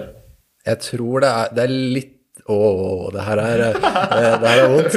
Nå veit jeg ikke hva som kommer. Her har du muligheten til å vise sårbarhet, Tore. Ja, ja. Vi må aldri, vi må aldri gi ut den podkasten her. Det er i hvert fall helt sikkert. Eh, nei, jeg tror én ting er Det er litt sånn makt i det. Mm. Fordi jeg føler meg veldig trygg på at uansett hva du sender tilbake, så tåler jeg det. Mm. Eh, og det er liksom eh, Da kan jeg utfordre andre og liksom si at ja, men jeg, jeg vil ha den relasjonen, har gitt det til meg, og sånn, og det er genuint. Uh, men det er jo veldig ufølsomt. Fordi andre kan Det er ikke en av andres styrker nødvendigvis. Mm. Og da spiller jeg min styrke mot kanskje dems uh, enten nøytralitet eller svakhet. Mm. Uh, og så vinner jeg en eller annen kamp da, mm. av dominans. som er veldig Som gir et kick, men som er liksom sånn direkte ufint til tider. da. Jeg merker at der, For der har du jo legger fram en veldig sånn lite flatterende intensjon med dette. her da, At det er liksom maktspill og markering og, og sånn også. Jeg, og jeg ser jo for meg også at du fremsto veldig som en sånn alfahann når du gjorde det der også. At du tør å gjøre det. Det er liksom å by opp til dans og, og, eh, og da signalisere at 'dette tåler jeg'. Ja. Men samtidig så veit jeg ikke jeg, jeg tror det er ofte det vi driver med når vi sitter og, og prater med andre. da, At vi prøver å vise oss frem litt. Og, og da tror jeg vi også skal dømme sånn alle handlingene våre på om, om konsekvensene var gode eller ikke. Og jeg tror ikke konsekvensene har vært så verst av akkurat det der. Altså. Og særlig på et psykologistudie, hvor folk på en måte var interessert i dette her. Og jeg tror alle psykologer har eh, er tjent Nå kommenterer jeg på hvordan et psykologistudie bør se men jeg ser jo for meg at man møter mye vanskelige interaksjoner som er krevende å håndtere. Og det å få trent seg litt da, gjennom sånne ting kan jo være gode. Definitivt. Og jeg, jeg har jo andre motivasjoner også for å gjøre det. Så nå tok jeg på en måte den minst flatterende fordi det var det mest sårbare. Ja, Så bra. det er jo andre-. Du, du. Ja. Så det er jo andre ting også, men, men uh, jeg, vi had, jeg husker vi hadde en sånn på, på tavla, da, så var det liksom en eller annen professor da, som sa at det er en enkel måte å, å, å sette psykologer på en linje, linje. Det er eh, de som er veldig støttende, og så dro linja over tavla, og de som er veldig utfordrende. De liker å utfordre pasientene sine. Og der havner jo jeg på den utfordre. Ja. Så jeg må hele tida minne meg sjøl på at når noen uh, sier et eller annet som er sårt, så må jeg først på en måte enten normalisere det, vise forståelse, vise støtte, bruke tid på det, og så ok, hva gjør vi med det her? Eh, Hvorfor gjorde du ikke sånn? Mm. hvorfor Kan man tenke på det på en annen måte? Liksom, liksom skape de her utviklingsnivåene. utviklingsnivåene. Mens andre er mer sånn som kunne vært i det hele tida. Bare sitte og bare vært superstøttende, kjempekomfortabelt for pasienten. Men du kommer ingen vei. ja, for det er jo litt det at du er veldig utviklingsorientert, høres det ut som også. da. Ja. Og så er det jo en måte jeg tenker nesten å utfordre seg selv på også. Du er jo ikke så komfortabel og myk med deg selv når du slenger ut sånne Når du tar en tore, da. Da blir det jo en utfordring i rommet som, som sikkert alle kan lære av, inkludert deg selv også. ja. Men så må jeg også ta inn over meg at det er ingen som lærer hvis de ikke er trygg på meg. Så hvis jeg kaster ut den som en sånn her eh, joker, da, som du sa, så har den jo ingen verdi. Da er det jo bare en maktdemonstrasjon. Men jeg merker, jeg setter jo veldig pris på det. Jeg syns sånt er veldig gøy. Og, og jeg merker det også, jeg tror jeg har tillit til deg både fordi du er den du er, men også at du er litt sånn Du er jo psykolog, og, og den, den yrkestittelen gir meg litt sånn tillit til at da vet du hva du holder på med. Og så tror jeg, tenker jeg også at dere kan noen triks da om hvordan man skal være i, i, interaksjon med folk som jeg ikke helt har lært, som jeg har litt sånn lyst til å suge til meg. Og, og akkurat sånn som de tingene der er jo sånne, sånne som jeg kanskje har litt lyst til å si, og så tør jeg ikke helt, og så er det fint at noen andre gjør det. For sånn går jo ganske greit, da. Det var jo, vi har jo blitt enige om å møtes igjen. Ja, og det er min erfaring det her, og det er, og det er gått litt langt, for jeg har liksom testa grenser og sånn, så jeg har noen, jeg har noen eksempler ganske tydelig fra, eh, fra fortida hvor jeg gikk for langt, og hele den biten der. Ja. Men de to triksene som jeg bruker, Ja. eh, det ene er at jeg prøver å si det med varme. Så jeg kan være direkte og tydelig, men med et varmt kroppsspråk og, og blikk. Um, og det andre er at jeg er veldig klar over at jeg danser på en eller annen grense. Så hvis jeg bommer, så må jeg være den første til å unnskylde meg og reparere. Ja, Du tar den på din kappe da? Definitivt. Ja. Og det som jeg har lært meg, er at hvis du tråkker noen litt på tærne, men med god uh, uh, intensjon, Ja. uh, og du unnskylder deg skikkelig, så kan det binde, et, binde relasjonen mye sterkere enn om du aldri tråkka dem på tærne. Dette er sånne ting som jeg vil lære av psykologer. For dette er sånne triks dere kan. Jeg har hørt du har kalt det der mikroseparasjoner før. Ja. Er, det, er det det du beskriver der? Det er, og det kan være en makroseparasjon hvis man aldri reparerer. Ja, Men- stor separasjon og liten separasjon. Ja, skjønner. Mm. Yep. Så det her er jo, eh, det er jo litt sånn eh, utviklingspsykologi i det her. At når man, eh, man vil alltid på en måte ha sånne små, små separasjoner med barnet sitt, hvor man på en måte enten går glipp av et øyeblikk hvor man ikke anerkjenner barnet eller ser barnet, eller eh, om det, man tråkker dem på tærne, eller hva det er, da. Men det er det som kjennetegner en god relasjon, er om du ser det og reparerer det. Det Spennende hva vi som er takeawayen fra at eh, det funker på den måten. For jeg merker jo at jeg tenker oi, da må jeg finne måter å tråkke folk på tærne på, så jeg kan reparere det og, og styrke relasjonen der også. Men det, er, men det, er, kanskje mer sånn at du kommer til å tråkke på tærne som en naturlig konsekvens av å være i verden, liksom. Og da du, må du heller gripe muligheten da når det skjer. Ja. Og jeg har gjort det som du sa nå, selv om du sa det med et litt sånn smil. Så jeg, jeg, har, jeg har, prøvd det, liksom gjøre det bevisst. Ja. Uh, i, i, både terapisetting og, og, sos, og liksom ellers, da. Mm. For det er liksom punkt én uh, legg en plan, mm. og i planen er du tydelig på at uh, det som skiller en psykologrelasjon fra en vennerelasjon, mm. er at jeg ikke bare skal på en måte være der for deg, men jeg skal også hjelpe deg med å komme videre til et eller annet sted som vi sammen ble enige om. Det er noe som skiller en eh, Ja, nei, la oss ta den videre. Snakk, snakk deg gjennom det. Men jeg tenker, ja. ja. For da har man på en måte Ok, setter deg med pasienten, og vi skal bli kvitt uh, vet ikke, angsten din, eller hva det måtte være. Mm. Uh, vi skal gjøre det på denne måten, og da er det tydelig at jeg kommer til å utfordre. Ja. Jeg kommer til å Og så kanskje gjør jeg det en gang, og så, og så sånn Oi, ja, der gikk jeg kanskje litt langt. Beklager. Mm. Og da får de en følelse av at ok, det er ikke så farlig å bli utfordra av Tore. Nei. Fordi vi, vi, vi skværer opp. Mm. Og så er det good, på en måte, og da mm. reduserer du frykten. da. Mm. Det er gjort det bevisst. Og så er det jo spennende der om vi, vi kan jo, Der sa du at det var en forskjell på vennskapsrelasjoner og eh, den terapirelasjonen. da. Mm. Hvor i sistnevnte så er det både et mål om å måte, støtte og være hyggelig, og sånn, og så er det også det med å utfordre hverandre. og sånn. Du har jo brukt dette flotte begrepet 'beautiful enemies', da, om eh, også da mer relasjoner du kan ha til venner og sånn også. Som, som, jeg egentlig har tenkt ganske mye på og tatt til meg, og jeg prøver stadig for flere av det også. Og det kan jo være et kjennetegn på en relasjon, eh, en privat eh, vennskapsrelasjon, hvor man jobber også litt med å utfordre hverandre også. Mm. Ja, vil du si litt om hva som ligger i begrepet 'beautiful enemies'? Og, og hvorfor det for, for, jeg tenker at det kan være en ting som, som også bør gjelde i private relasjoner også. Det, Det er faktisk eh, Da jeg, da jeg gikk på studiet, så syntes jeg jo alt annet enn studiet var kult. Ja. Men jeg syns fortsatt psykologi var eh, kjempespennende. Mm. Så jeg fulgte en sånn eh, Jeg tror det er én, hvis ikke den mest sette Harvard eller Harvard-kurset da, i, mm. gjennom tidene. Uh, om eh, ledelse, lederskap, eh, av Tal Ben-Shahar. Jeg husker du sendte det, så jeg kom meg et stykke inn i forelesningsrekken også. Ja. Fantastisk fin fyr. Veldig fin fyr, og han bruker det begrepet. Han har sikkert henta det fra noen andre, men han bruker begrepet 'beautiful enemies'. Og da snakker han om venner, egentlig, eller i hvert fall folk man har en, et tillitsforhold til. Mm som tør å utfordre. Mm. Som egentlig ikke bare tør, men som det er en del av vennskapet. Mm. Det er, så er det litt sånn der, det er kanskje en klassisk eksempel er Cæsar som har en eller annen fyr som går ved siden av seg og sier eh, 'you're just a man', på en måte. Mm. Men eh, det å ha folk som liksom kan si fra til deg 'nå er du en idiot', mm. eller hva er det du, hva du, tenkte på der', på en måte, mm. det er eh, gull verdt. Men jeg syns også det er en fantastisk måte å bygge en relasjon på også. For det ene er jo at jeg tenker at jeg vil ha noen beautiful enemies i livet mitt fordi at det gir meg noe rent sånn, sånn utviklingsmessig, da. Jeg vil jo, jeg tror jeg vil ha det i relasjonene mine. At det er noe jeg tenker på som gode vennskap. er jo folk jeg har det fint med, og som jeg kan bruke en, som en støttespiller.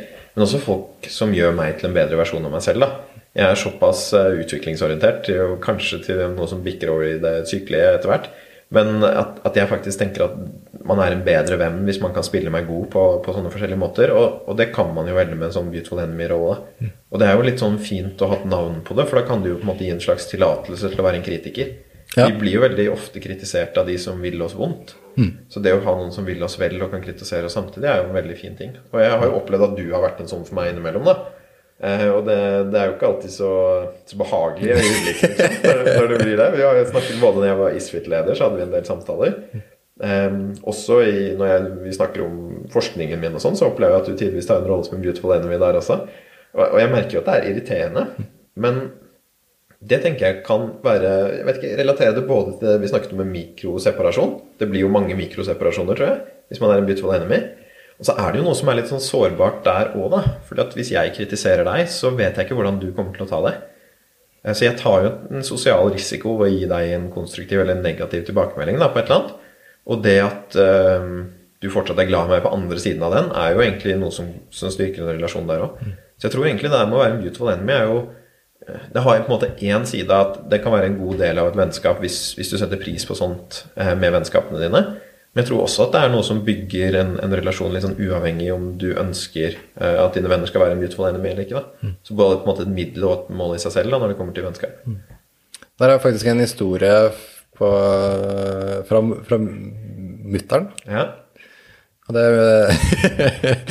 Mutter'n jobber som sånn sykepleier innenfor Det er sånn dobbeltdiagnosesykepleier, så jobber jeg med rus og psykiatri. Eh, og liksom noen tenåringer på en gård eh, på, langt ute i Hutaheita. Og der eh, hadde det, eller de har ukentlig, tror jeg, noen sånne teammøter. Nå husker jeg ikke helt på en måte hvem som sa hva og alt det her, men det var i hvert fall et, det var noen som konfronterte noen. Og så satt en psykolog i rommet og liksom skulle fasilitere denne dialogen. Eh, og som var veldig på det å forsvare den som ble konfrontert. Og det reagerte jeg veldig på når mutter'n fortalte denne historien. Fordi jeg føler at den psykologen undervurderer hvor vanskelig det er å faktisk konfrontere noen. Hvor ubehagelig det er. Og vi undervurderte også konsekvensen av å kun da forsvare den som ble i anførselstegn angrepet. ja, Som da, fremsto som ofre i denne situasjonen. da. Ja, og hva lærer alle i det rommet? Vær forsiktig når du kritiserer noen. Veldig godt poeng. Og jeg tror det at når vi holder tilbake tilbakemeldinger, så tror jeg ofte det føles som om vi gjør det pga. den andre, av hensyn til den andre, men jeg tror vi veldig mye oftere gjør det på hensyn av oss selv. Det er en kjempestor sosial risiko å kritisere andre, for mm. vi vet ikke hvordan det tas. Altså. Så, så det tror jeg er et veldig sånn godt poeng, og også noe å ta med seg inn i en situasjon hvor man selv blir kritisert. Da. Det kan føles vondt for deg, men husk på at det sannsynligvis føles litt vondt for den på den andre enden òg. Og ja. og det føles ofte så vondt at det blir litt klønete. At det er litt sånn, og du gruer deg til å si det, og så sier du det med litt sånn der, det blir litt sånn lite konstruktivt på en måte. Så egentlig så må man ikke bare vise den forståelsen, men man må legge inn et sånn ekstra lag av forståelse, fordi det er ubehagelig. Da. Det er jo en krevende ting. Og særlig hvis det gjør litt vondt, det som kommer i kritikken også. For det har jeg merket på, på selv også, at, at jeg går og på en måte kvier meg for å gi en tilbakemelding, og så må jeg nesten snakke den tilbakemeldingen litt strengere enn den egentlig er, for å på en måte eh, overbevise meg selv at den er verdt å gi. Og så når det kommer ut, så smeller det ordentlig, liksom. Ja. Og så var det sånn Oi, det var, oi ble det sånn, liksom? da Og så blir det enda verre hvis du har liksom gått og liksom tenkt på det lenge, og liksom det har gått måneder og år noen ganger da, før man har tørt å si det. Og så kommer det ut som en sånn derre oppkast på den stakkaren, da. Så her er det egentlig en oppfordring til å ta imot oppkastet, da. Og, og prøve å, å, Ja. å tenke at det, det var faktisk litt vondt å gi det oppkastet der. Ja, ikke sant? Du må, du må filtrere oppkasta. Fantastisk bilde. Eh, og så må du prøve å liksom Ok, eh, hva er det du egentlig mener her, på en måte? Prøv å få det ned, få det liksom konkretisert det. Jo, det, det øyeblikket da jeg gjorde det, ja, så følte du det. Og så gjorde jeg det også i den settingen. Ok, her er flere eksempler hvor jeg har gjort denne tingen, og det har ført til den følelsen hos deg. Ja, ok, det er det det er snakk om. Det kan jeg gjøre noe med. Det der tror jeg også er en Det tror jeg er omtrent like krevende som det å sette ord på akkurat hva man føler i øyeblikket på en sårbar måte. Ja, for det er jo akkurat det det er. Når noen kritiserer deg, så blir du kjempesår. Ja. Også sår, men reaksjonen er jo ikke 'nå ble jeg sår', eller 'det gjorde vondt'. Reaksjonen er jo 'du, din kødd, hvordan kan du, din jævel', eller et eller annet sånt noe. Eller gråt og løpe ut, litt sånn avhengig av åssen type du er. Men i hvert fall en eller annen fight-flight-respons, da. Så det er jo det Hvis du ber folk være beautiful enemies til deg, så, så er det et ansvar du tar på dine egne skuldre da, om å faktisk behandle de pent også etterpå. Som sikkert ikke er så lett. Og det, der føler jeg mange havner. Jeg har hatt ganske mange intervjuer med ledere. Og hvis du stiller spørsmålet ja, er du en person som, eh, som eh, eh, setter tilbakemeldinger høyt på agendaen og alt det der, og ledere bare nikker og ja, ja, ja, dritviktig, ikke sant. Det er ikke noe viktigere i hele verden. Og så stiller du oppfølgingsspørsmålet ja, når var sist du fikk eller ba om en tilbakemelding? Eh, og så er det sånn ø, øm, ø. Og det er ett et aspekt ved det, at liksom vi er ikke så gode på det som vi tror. Og det andre er at det er så ekstremt mange ting som kan gjøre det vanskelig å gi en tilbakemelding, som ikke nødvendigvis bare er 'han er en kødd som ikke tar tilbakemeldinger'.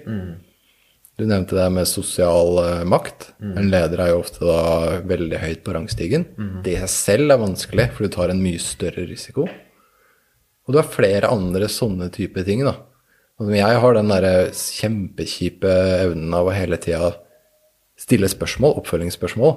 For jeg får forstå det, og jeg vil, det, er nest, det er noe kritiserende i måten jeg gjør det på, tror jeg. At jeg kan liksom si Ja, hva mener du med det? Ja, okay, ja, hvilken hendelse er det du refererer til nå? Og så blir det vanskelig på andre siden å vite. Prøver du å på en måte argumentere mot, eller prøver du å forstå, liksom? Ikke sant? Og du bestilte til veggs, da. Du syntes det var kjempeubehagelig å gi tilbakemeldingen, og nå må du plutselig Nå, blir, nå er du under avhør, da. Ja. Av en eh, litt sånn uh, overivrig psykolog, da. Det skjønner du kjempegodt.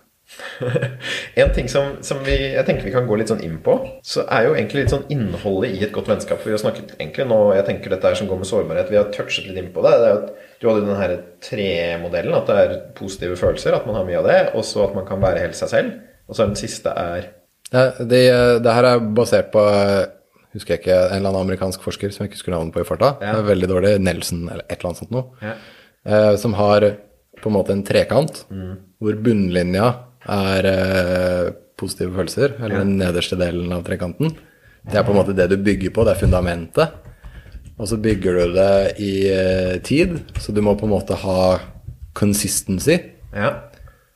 Men den andre sida, da, er sårbarhet eller vulnerability. Ok, så det er de to sidene som du trenger da, over tid. Ja, sammen med Så det er positivity, consistency, vulnerability. Som liksom eh, danner det her, da. Jeg tenkte jeg skulle relatere den der til en, en annen modell som er utviklet av vår venn Jonas Helland. Som er vår vennskap, som, som jeg syns lignet egentlig ganske mye på den også. Hvor han sier at det han eh, tenker han trenger da, for at det skal være en god relasjon eller et godt vennskap med folk, det er tre ting. Det ene er at man har eh, muligheten til å ta den måte alvorlige, liksom dype samtalen. Eller kunne snakke om personlige, ekte ting. Som jeg tror ligner litt på det her med vulnerability og være seg selv og sånn også. Og den andre er egentlig tull, tøys og fjas og sånt, som virker veldig på den positive følelser. Så eh, litt sånn type ha Fifa-kvelder med gutta, og at gutta kan kødde og sånne ting også. Det er jo lett sånn her, tenker jeg, når vi snakker om relasjoner, at det høres ut som noe man skal sitte og se hverandre dypt i øynene og snakke om ting som er fælt hele tiden. Det tror jeg ikke er så gøy, det heller. Og den siste er egentlig hverdag. At man klarer å dele fra hverdagen og gi hverandre litt sånn små drypp av hverdagen sin. Snakke Ja. om hva som skjedde i dag. Sånn at det ikke er sånn at hver gang man møtes, så er det noe som er liksom abstrakt og liksom avkoblet fra hverdagen. da. Men at man klarer å egentlig ha en sånn em, Ja, liksom lytte inn da på det som, som faktisk fyller det meste av tiden vår, da, som faktisk er hverdagen til hverandre. At Ja. man vet hva som foregår der. Hva tenker du når du hører eh, Jonas Helland sin modell for, eh, for hva som ligger i gode vennskap? Det første jeg tenker, er jo at Jonas er en smart fyr. Ja. Han treffer jo, han treffer jo bra, liksom. øh, Og jeg ser for meg han Det her er noe han bare Han var på vei hjem fra butikken, og så tenkte han ut det her, på en måte. Så jeg syns det er kjempekult. Og jeg Nå må tror vi gi ut podkasten. Ja, ja, ja. Han, han må få høre det her, da. Eh, så jeg tror han treffer eh, kjempebra. Jeg tror Det her med hverdagen har jeg ikke tenkt så veldig mye på, men jeg, jeg tror nok det er eh, mye i det. Jeg ser jo for meg at du er lav på den. Eller jeg tenker, det, det speiler jo veldig vårt vennskap, da. Og jeg tror vi begge er ganske lave på den, for jeg snakket med Jonas om det også, da. Jeg kjenner meg veldig igjen i dette her med å ha skikkelige samtaler og tull og fjas, som jeg tror også er en uh, I hvert fall, jeg tror jeg har undervurdert den litt, da. Men hverdag har jeg, føler jeg ofte at jeg ikke har så mye behov for. Og hvis jeg tenker på vårt vennskap, da, Tore, så har jeg veldig lite innsikt i hverdagen din. Det går ofte lang tid mellom vi ses, og så er det veldig flott og, og som før, liksom, hver gang vi ses også. Men jeg får jo jeg får ikke noe sånn drypp av hvordan du har det sånn på dag-til-dag-basis. Altså. Nei, Jeg er enig, og, men det kan godt hende at vi eh, bør lytte litt til Jonas her. Hva- Men, men det, frykten min er at vi havner i en sånn smalltalk-verden. Ja, for det er litt smalltalk, da. Det er litt smalltalk. Ja. Det er kanskje litt unaturlig når man møter sjelden, da. At det kanskje er liksom en naturlig konsekvens at vi ikke ses ofte nok. Men eh, hverdagen blir fort litt sånn der Hva spiste du til middag i går? Og ja, hvordan gikk det på jobben i dag? Og den greia der, da. Og det er akkurat det som jeg tror Jonas etterspør i denne modellen sin. At man faktisk spør hverandre om de tingene der, og man kan ha en samtale om det også. Jeg, jeg, jeg tenker at det er en viktig del av relasjonen jeg har med kona mi, i hvert fall. Så hvis jeg hadde sett deg like ofte som jeg så kona mi, så tror jeg at eh, det hadde vært en viktig del av vår relasjon òg. Ja. Men jeg trekker naturlig mer mot eh, det jeg ville kalt deg liksom litt sånn tyngre evner, eller s- ja, et eller annet sånt noe. Men det er kanskje en sånn preferanse. Jeg opplever at det vi gjør nå, er egentlig ikke så langt hva vi gjør vanligvis når vi henger, egentlig. Nei. Det er jo omtrent sånn, sånn jeg tror det høres ut, egentlig. Ja, vi har den samtalen her bare uten mikrofoner. Ja. Og så får dere jo en redigert versjon, dere som sitter i andre enden her, da. Så det høres nok enda proffere ut nå enn, enn det det vanligvis gjør. Ops, den kan jeg klippe ut. Uh, men uh, tenker du at er, har vi egentlig da måte truffet ganske godt Jeg vet ikke om du har tenkt på andre ting som du setter pris på i vennskapene dine, som gjør at dine relasjoner er gode relasjoner? I tillegg til dette med at man kan snakke om, om de tyngre temaene, og at man kan fjase sammen. Eller da også da, hvis man oversetter det til Nelson, eller hvem man nå er språket, da, at du har både vær deg sjæl, eller at du kan vise fram hele deg selv, og at du bygger en bank av positive opplevelser. Hva er ingrediensene i en, en god, et godt vennskap, da? Det er vel egentlig spørsmålet. For meg så er det nysgjerrighet. At jeg har en person som deler min nysgjerrighet, som jeg liksom kan Vi kan være nysgjerrige sammen, da. Utforske verden, på en måte. Eh, Den er nesten hva som helst. Eh, og så er det positive følelser. Mm. som er sånn, Vi snakka jo tidligere om at det her, eh, nå beskriver jeg datteren min, og hvorfor jeg liker datteren min. Ja. Eh, og det, de to bitene syns jeg er kjempeviktig. Fordi jeg ikke klikker så bra med litt mer sånn tyngre typer, på en måte. Eller sånn dystre. Ja, litt litt mer ja. er ikke din ting. Nei. Nei. Og det er mange som treffer godt på hverandre der, og liksom kan bonde over det. Men jeg syns det blir raskt eh, energitappende. Hæ. Så eh, hvis du ser på vår gjeng, da, så har jo alle de to. Ja. Jeg tenker, tror jeg tenker meg selv som en litt sånn dyster person. Nei, nei. Kanskje dystre tanker med lyst humør eller et eller annet sånt. Jeg vet ikke om det er det som er Jeg tror du har høyere nevrotisisme enn hos andre, men du har samtidig den høye på positive følelser. Det er mitt inntrykk av deg, men du er i hvert fall veldig høy på nysgjerrighet. Så det er egentlig, og, og her er det jo spennende, fordi morsomt da når eh, du som en sånn seleksjonsfyr skal beskrive et godt vennskap, så beskriver du en, en person egentlig da, personlighetstrekk, som er da høy på positive følelser og høy på nysgjerrighet, som egentlig er en god venn. Og hvis man skal oversette det inn i et vennskap, da, hva er det, som, hva er det det gjør med vennskapet som gjør at du setter pris på det? Eh, Det, for, for meg, da, når jeg liksom ser for meg det sånn drømmescenario Jeg har hatt uh, diskusjon med kona. Ja. Ok, hvis du kunne satt opp uh, din egen hverdag full, ingen rammer, uh, ingen begrensninger på penger og jobb og alt det der, så ville jeg hatt en håndfull kompiser eh, som det vi gjorde, det er litt sånn eh, Vi er jo begge litt sånn gamere. Ja. Det du gjør, er at dere går sammen som en gruppe, og så skal dere gjennomføre oppdrag. Ja. Dere skal liksom ut i verden og utforske ting og få problemer løst og få til ting, da. Litt sånn som man gjør i en, eh, en, en sånn roleplay game eller uh, hva det måtte være. Kjempegøy. Kult. Det, er liksom, det hadde vært drømmescenarioet mitt, da. Ja, her har du snakket om før dette med at det kunne være mye forskjellig, liksom. Vi kunne eh, funnet en mammut å jakte på, eller det kunne vært å bygge en hytte, eller egentlig hva som helst. Ja, ja, ja. liksom. ja. Kjempekult alt sammen. Så eh, det er, eh, det er mine gode venner, da. Er, eh, passe, så er det, har jeg rom for andre typer òg, men det er liksom de jeg trekker mest mot. Ja, for det høres ut som det er ganske kompetente mennesker, da. Sånn kompetente og handlekraftige og få ting gjort til folk, liksom. Ja. Det tror jeg. Så um, eh, nå er det Nå blir det jo Nå, nå blir det en humble brag her, merker merker Ja, ja, jeg. men det er viktig, det. Det er humble bragging. Jeg, jeg, jeg tror jo nesten det er det eneste vi gjør. Ja. Men, eh, Jeg har sikkert hatt, jeg har sikkert hatt flere sånne hittil, og det er ikke så humble lenger, men eh, Jeg tror hvis vi skulle sensurert alle humble bragene våre, så hadde vi hatt lite å snakke om, altså. ja. Så kjør på.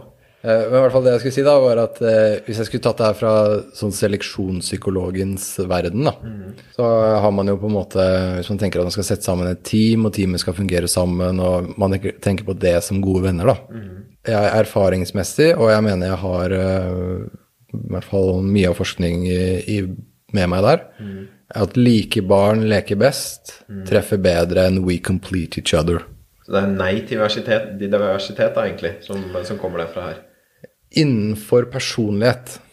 Eh, så det Den konklusjonen jeg har landa på, og jeg har hatt noen samtaler med Henning Bang, da, som er veilederen min, og som er veldig dyktig innenfor det feltet her, eh, om det. uh, og det er eh, Hvis du skal liksom kjøre diversitet da, på personlighet, så blir det veldig mye um, gnisninger. Det kan være bra, Men da krever man også mye på en måte teamutvikling og tett på ledelse, og du må liksom du må legge noen puter og liksom uh, smøre noen uh, overflater og litt sånt noe for å få det her til å funke. Ja. Og det er veldig få bedrifter som har det.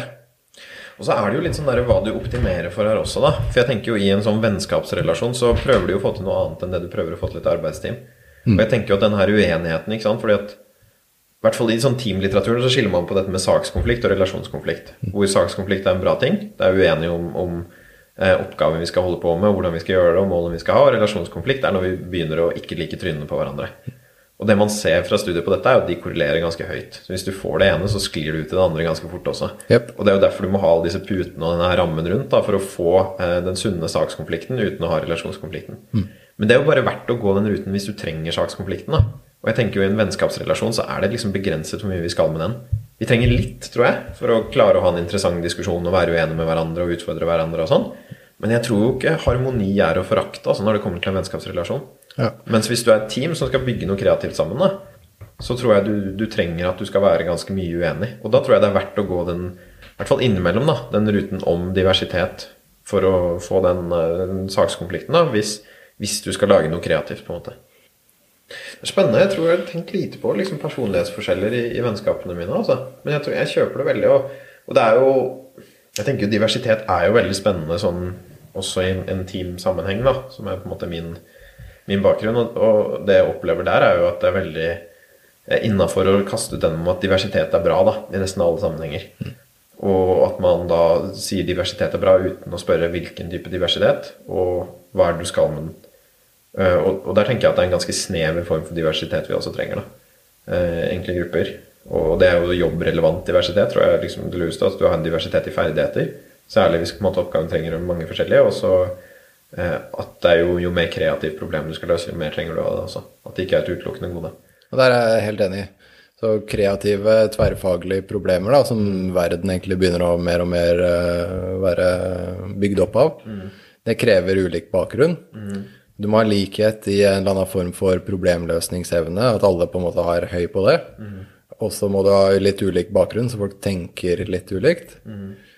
Også på personlighet så mener jeg da at du bør ha relativt lik Nå er det ikke sånn at litt sånn Ja, jeg er gjennomsnitt, og jeg er litt over gjennomsnitt. At det, er ikke sånn person, personlighet er et veldig grovt mål på eller i hvert fall en big five. da. Ja. Det er ikke sånn at man har en enorm prediktiv evne på noe som helst. Eh, så det er jo Når jeg sier eh, likhet, så mener jeg sånn cirka likhet, da. At du ikke har en ytterpunkt introvert sammen med en ytterpunkt ekstrovert, eller en som elsker struktur sammen med en som hater struktur, på en måte. Det sier jo seg selv at det her kommer til å bli gnisninger. Ja, Og som du sier, da, gnisninger av og til bra. Ofte ikke så bra. Ja, for det kan distrahere fra problemløsning. Jeg syns det oftere gjør det på personlighet enn at det løser noe, da. Så hvis du er en som elsker endring, og en som elsker eh, å liksom gjøre det kjente og kjære, så er det liksom Hvorfor skal det skape kreativ problemløsning kontra to som elsker endring? Sj, aner ikke. Og det her er jo big five. Ikke sant? Jeg tenker jo at det er en, en greie som jeg setter pris på med diversitet i vennskapene mine, som jeg tenker på, er jo at Og, og det tror jeg kommer tilbake til Beautiful Enemies, altså, som, jeg, som jeg tror jeg setter veldig pris på der, uten at jeg har brukt det ordet alltid på vennene mine. Fordi at um, jeg tror det er veldig fint å bli påminnet at man er i en boble ganske ofte.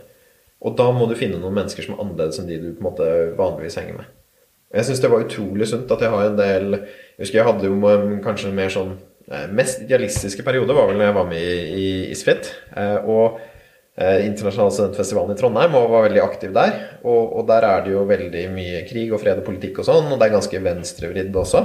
Og, og mye sånn ja, redde verden-ting, da, som vi snakket om der. Og da hadde jeg en del venner som eh, som syntes det var litt teit, egentlig. Som jeg hang en del med, og som, som uttrykte det ganske greit. Og jeg opplevde ikke det fiendtlig eller offensivt, men det var bare på en måte Ja, de tenkte på det som litt rart, og var kanskje litt sånn eh, mer skeptiske til våre reelle motivasjoner for å være med den gjengen, og, og sånne ting som det. Og det husker jeg at det syns jeg egentlig var veldig ålreit å ha, altså. Å ha noen på en måte utenfor som, eh, som på en måte kan briste boblen din og, og sette deg litt på plass og utfordre litt verdiene dine også. Det å ha på en måte føtter i flere leirer kan være veldig ubehagelig, men jeg tror det er ordentlig sunt. Jeg merker at jeg setter veldig pris på det i mine relasjoner. da, Å ha noen som bringer til torgs noe litt annet, og som kan utfordre meg og, og tenkningen. Og det trenger jo ikke å være en personlighetsforskjell, på en måte, men diversitet i verdier tror jeg er noe som jeg setter pris på med vennskapene mine. Vi, snakket, vi har jo pratet en del om dette her med å Sårbarhet. Vi har kanskje ikke pratet så mye om den der positive følelsesbiten. Og den, den tror jeg kanskje er en litt mer sånn svart boks for min del også, hva som gir den. Eh, har du noen tanker om hvordan, hvordan, det ser ut i de relasjonene som, som gir deg mye positive følelser?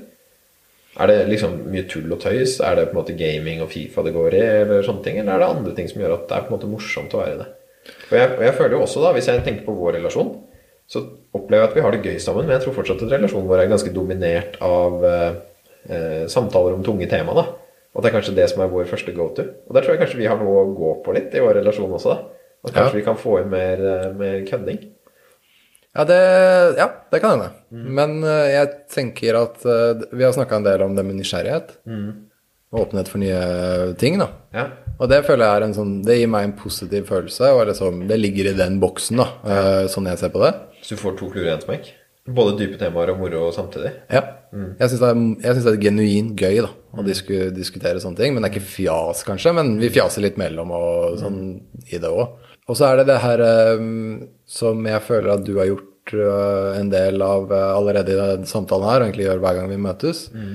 Og det er å anerkjenne mine følelser. Mm. Så når jeg sier at nå, nå, er det litt humble brag, eller egentlig bare brag, så sier du ja, men det er greit. Det tåler vi. Vi tåler at du skryter litt, på en måte. Det er, det er, eh, jeg aksepterer hvem du er, eller du sier et eller annet da, i måten du kommuniserer noe, mm. Eh, som gjør at jeg blir tryggere da, og får mer positive følelser. Ja, så det, er, så det, trenger ikke å være liksom, å spille Fifa heller, på en måte, for å ha de? Nei. Nei. Men det må vi gjøre mer av. Ja, fordi, altså, jeg tenker det som for min egen del. da For det, Når jeg har hørt som, på en måte, sin, Jonas sin modell, og også det du sier, dette med positive følelser og sånn, som, som, jeg syns henger sammen, så, så, tenker jeg at jeg har for lite av det i mine vennskap. Der tror jeg egentlig det er der det skorter mest. Altså. For jeg merker akkurat på den med å ha litt sånn samtaler om de tunge temaene, så, så, er jeg ganske høyt. Og jeg har eh, mange venner rundt meg som, som, er veldig interessert i mange av de tingene, og det setter jeg veldig pris på, og som også er veldig sånn søkende og prøver å finne ut hvordan hvordan er det virkeligheten henger sammen, og hvorfor er vi her, og, og alt imellom. Eh, og så, så, tror jeg ofte at det, det, blir mye av det, og mindre av det fjasete, da. Det, det er sant. Ja. Nå kjente jeg på det når du sa det. vi sitter jo her og lager podkast, liksom. Det er det vi velger å gjøre. Ja. Har du Fifa? Uh, nei, men vi kan faktisk game litt nå. Så vi kan laste ned Worms og spille det. hvis du er Ja! ja. Ok, nei, men Så bra. Dette er jo en veldig klar takeaway fra podkasten. At vi får mer køddete vennskap. Er, ok, Hvis vi skal oppsummere takeaway, da ja. for, Hvis det er utviklingen for vårt eget vennskap, da. Ja. Og det er uh, for meg mm. det, det, siste vi nevnte. Mm. Det må vi gjøre mer av. Kjempebra poeng. Men også at jeg må bli flinkere til å ta initiativ mm. uh, og prioritere tid til vennskapet vårt. Mm. Fordi hver gang jeg gjør det, så syns jeg det er drit... Jeg tenker sånn Hvorfor gjør jeg ikke det her oftere, på en måte? Mm. Så jeg må bare klappe til den der introverte skapningen inni meg. Og så det her er bra for deg, Tore. Mm. Så skjerp deg. Kom deg ut. Nice. To gode takeaways her, da. Kjempe. Kom deg ut og, og tøyse mer. Ja. For min del så tror jeg at uh, jeg tar med den, den tøysedelsiden. Mm. Det, det, tror jeg er uh, Ja, og det, det, tror jeg både er med vårt vennskap, men også med sånne andre relasjoner i livet mitt også, da. At det er viktigere å få den, uh, få den på plass. Og jeg tror ofte så får jeg utrolig mye glede av å, å, å snakke om disse her rare, store spørsmålene også. Og jeg syns det er veldig mye positive følelser, så jeg, jeg tror ikke at, at, jeg skal slutte med det. Og så tror jeg jeg tenker, tenkte mer før at jeg kom til å at, kom, Jeg kom til å skjønne ting, og så kommer livet til å bli lettere og bedre på andre siden av det. Og det skjer aldri. Det skjer nesten aldri. og det der på en måte hvor, lite nytte kunnskap har da for mitt liv. Uh, og det, og jeg det er, det er liksom flaut å si når jeg driver og tar en doktorgrad, liksom, som er på en måte påfyll av kunnskap. Men det blir ikke så annerledes på andre siden av mer kunnskap. da. Så jeg tror også de gangene hvor jeg føler at nå, nå er det ikke moro, da, nå blir det mer for, eh, for utbyttets skyld, det er mer en investering enn enn at det er morsomt, så tror jeg egentlig jeg kan roe det ned litt også. Eller så må jeg ha en takeaway fra, fra noe som vi snakket om med sårbarhet også. Der er du god, da. Du trenger ikke ha en takeaway der nødvendigvis. Kanskje jeg skal begynne å ta en Tore mer. Eh, og prøve det. Og, og de pushe litt sånn grenser i relasjonene mine. For jeg tror nok jeg er litt sånn konfliktsky fortsatt. Men gjør det med meg, da. Det er et trygt sted å starte, Okay. kanskje. Da kan jeg prøve å gjøre det med deg framover. Ja. ja, for du må jo nesten akseptere det. Du er jo programforpliktet til å synes at sånt er greit. Ja, og jeg, jeg, grunnen til at jeg sa kanskje òg, Ja. er fordi for meg oppleves det trygt. Men det er ikke sikkert det oppleves trygt for deg å gjøre det for meg. Så det var derfor jeg sa kanskje. Ja, ikke sant? Nei, jeg tror jeg fortsatt kommer til å tenke på det som skummelt. Men jeg, jeg tar utfordringen. Det skal jeg prøve. Kult. Jeg gleder meg. Er det noe mer vi bør si om, eh, om vennskap eller andre ting før vi avrunder her, eller? Nei, jeg syns vi har dekket mye. Jeg syns også vi har dekket det. Vi har snakket i eh, 1 time og 40 minutter nå. Perfekt. Nå er det tid for litt gaming. Gaming. Herlig.